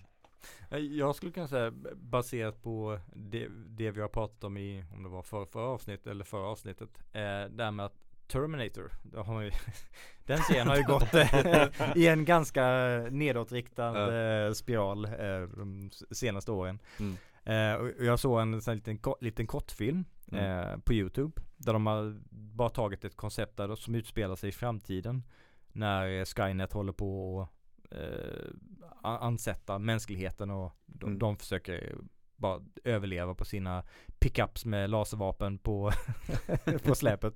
Eh, och, och, och den var väldigt enkel, fokuserad bara på att det är några soldater i John Connors armé som försöker Mm. skjuta ner eh, de här flygande Skynet-maskinerna. Eh, och, och därför fick jag en känsla, jag skulle vilja att de, de fångar konceptet och andan i ursprungliga Terminator. Inte Mm. Terminator 2 som är en fantastisk film i, på sitt eget sätt. Men ta det nästan liksom det där renodlade, avskalade skräck, Mm. skräckkonceptet nästan i första Terminator och gör en ny uppföljare. Men som, som behåller det där avskalade, enkla som, som ändå Maverick också har. Den, det, är det är en ganska, ganska renodlad Mm. eh, enkel men jä- jättebra förvaltad uppföljare. Jag skulle vilja se något liknande i Terminator-franchisen. Att de, Mm. de gör en, en, en, en film trogen konceptet från första filmen men som är en egen film. Inte en, bara en reboot som gör samma film igen fast med Mm. modern teknik utan en ny film men s- svarvad i samma konceptuella mall som första filmen. Mm. Det hade varit fantastiskt trevligt. Vill du tänka lite mer Jakob? Nej men jag vet inte, alltså jag skulle dra något skämt om att jag ville se en uppföljare till Amadeus så här, som, som handlade om Beethoven men, eh, och, sen, och sen kom jag på, nej men Willow såklart Men det kommer ju! Det, Det kommer kommer. ju en Ja, jävla ja. Disney Plus-serie ja. när som helst Du får om den. Willow Med Mm. samma skådis och allt Mm. Så att jag vet inte om det finns någon så här, det är riktigt, alltså det har gjorts många, alltså Conan, de har gjort en ny Conan-film, den var dålig Mm. eh, Och sådär, och som sagt Terminator är en travesti Ehm, Med stort T. Ja, Ja. Men, men du vet att det är många som vill ha, eh, och jag tror även Arnold själv vill ha King Conan. Ja. När han är tillbaka Alltså, i jag- huvudrollen. Jag skulle vara med på det om Det jag också Arnold är med Mm. Mm. Men det är kravet liksom någonstans Och då får de göra det liksom ganska snart Det tror jag att jag de hade kunnat göra det. Ja, ja men det funkar, absolut och Knyta en, ihop och en den filmskapare som verkligen förstår säcken ja. vad som gjorde första filmen bra. Mm. Mm, och som Eh. kan kunna Ja, nej Mm. men det skulle vara kul faktiskt Mm. Det är väl bra, passar väl bra i dessa liksom fantasy-tider Ja. också Ja. ha En riktig liksom sword and sorcery film Påkostad Kanske blir en Amazon-serie istället. Nej jag vill ha en film Ja, jag vill också Mm. ha en film. Ja, jag också. Ja. Mm. Nej men så det är väl det, annars är det mycket Jag kan tänka mig, alltså, ja men Dune, du har ju gjort en remake på den och, Vet inte Jag vill jag är ha- ganska nöjd Jag vill ha des- tillbaka lite fler Destination actionfilm, alltså Die Hard. Vi Mm. pratade ju på Slack häromdagen om eh, Under belägring. Just med- det, Steven Seagal. Ja. Eh, för, för Under belägring är ju verkligen, det är ju Die Hard på en Ja, båt. ja, exakt Eh, så jag skulle vilja ha ett par sådana, liksom. Bruce Willis har ju uh, sålt sitt deepfake eh, eh, likeness till uh, Hollywood. Nej jag såg att det var, det blev dementerat nu av hans Asså? agent. Aha, det var någon som drog i, drog i spaken lite för tidigt där. Ja, okej. Ja, nej men så jag, jag vill- nog inte ha en reboot rakt upp och ner på Die Hard Men jag hade inte tackat nej till ett par actionfilmer eh, av den liksom, Av den kalibern liksom av den Ja. kaliber och den typen Alltså väldigt bara så Mm. enkelt Här har vi en byggnad, Mm. en avdankad polis och massa Mm. terrorister Mm. Ja men det Mer är som en andlig uppföljare Mer som en andlig, ja. Ja. jag vill ha ett par Mm. andliga uppföljare till Mm. Die Hard och Under belägring Mm. Jag skulle faktiskt kunna tänka mig också en, en uppföljare till Twins. Med Danny DeVito och Arnold Schwarzenegger Om de båda är med och de gör ett väldigt bra manus Mm. Mm. Det tänker det skulle kunna bli någonting ändå Mm. Ja, Drömmar kan man ju drömmar kan man verkligen Men jag tror, jag hoppas på att folk inser nu att om man vill göra, om man vill ta upp en tråd som senast var aktiv på 80-talet Gör inte, flörta inte med 80-talet utan gör en Ja, 80-talsfilm ja men exakt, Mm. precis mm. För då blir det bra Mm. Mm. Ehm, Och sen att de, de väljer en franchise där det finns utrymme för att göra någonting nytt. mm, Men typ som, jag gillar ju Alien-filmerna väldigt mycket. Men där har de utforskat så mycket med eh, prequel-filmer och eh, så, sånt som utspelar sig i samma universum. Så det, det känns som att de har lite uttömt vad man kan och bör utforska. Mm. Medan i, i Terminator-filmen om man ignorerar det som hände efter tvåan så, så finns det ändå en del kvar att göra där. Ja. Eh, så, så, ja, jag skulle vilja att de, de är smarta med om att vad de identifierar som här finns det utrymme för Mm. Att berätta en, en ny, ny berättelse i samma anda som Mm. den ursprungliga filmen. Så att de inte gör en film som bara har lite fanservice-referenser som, som du är inne på utan att de faktiskt gör en film i den andan. Exakt. Ja. Fan, tack, fanservice var ordet jag letade efter tidigare när jag pratade om Easter eggs. Fanservice. Mm.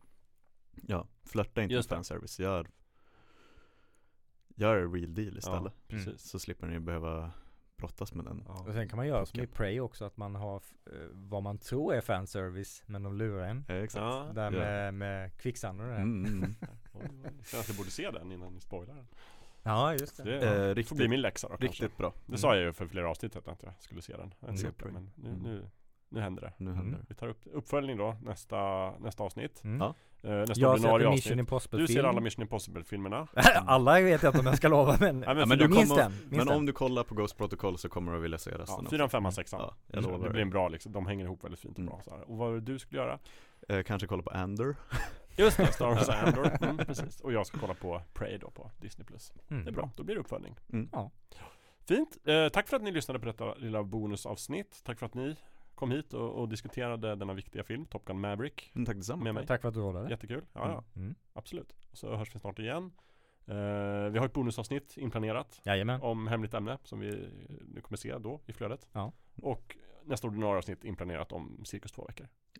Ja. Bra! Gud vad härligt. Då så. Skriv in fulkulturpodden.se slash kontakt. Ja. Och så vidare. Ja. Det blir det. Det blir underbart. Det blir det. Ha det! Ha det Samma. gott. Puss. Hej! Puss och kram.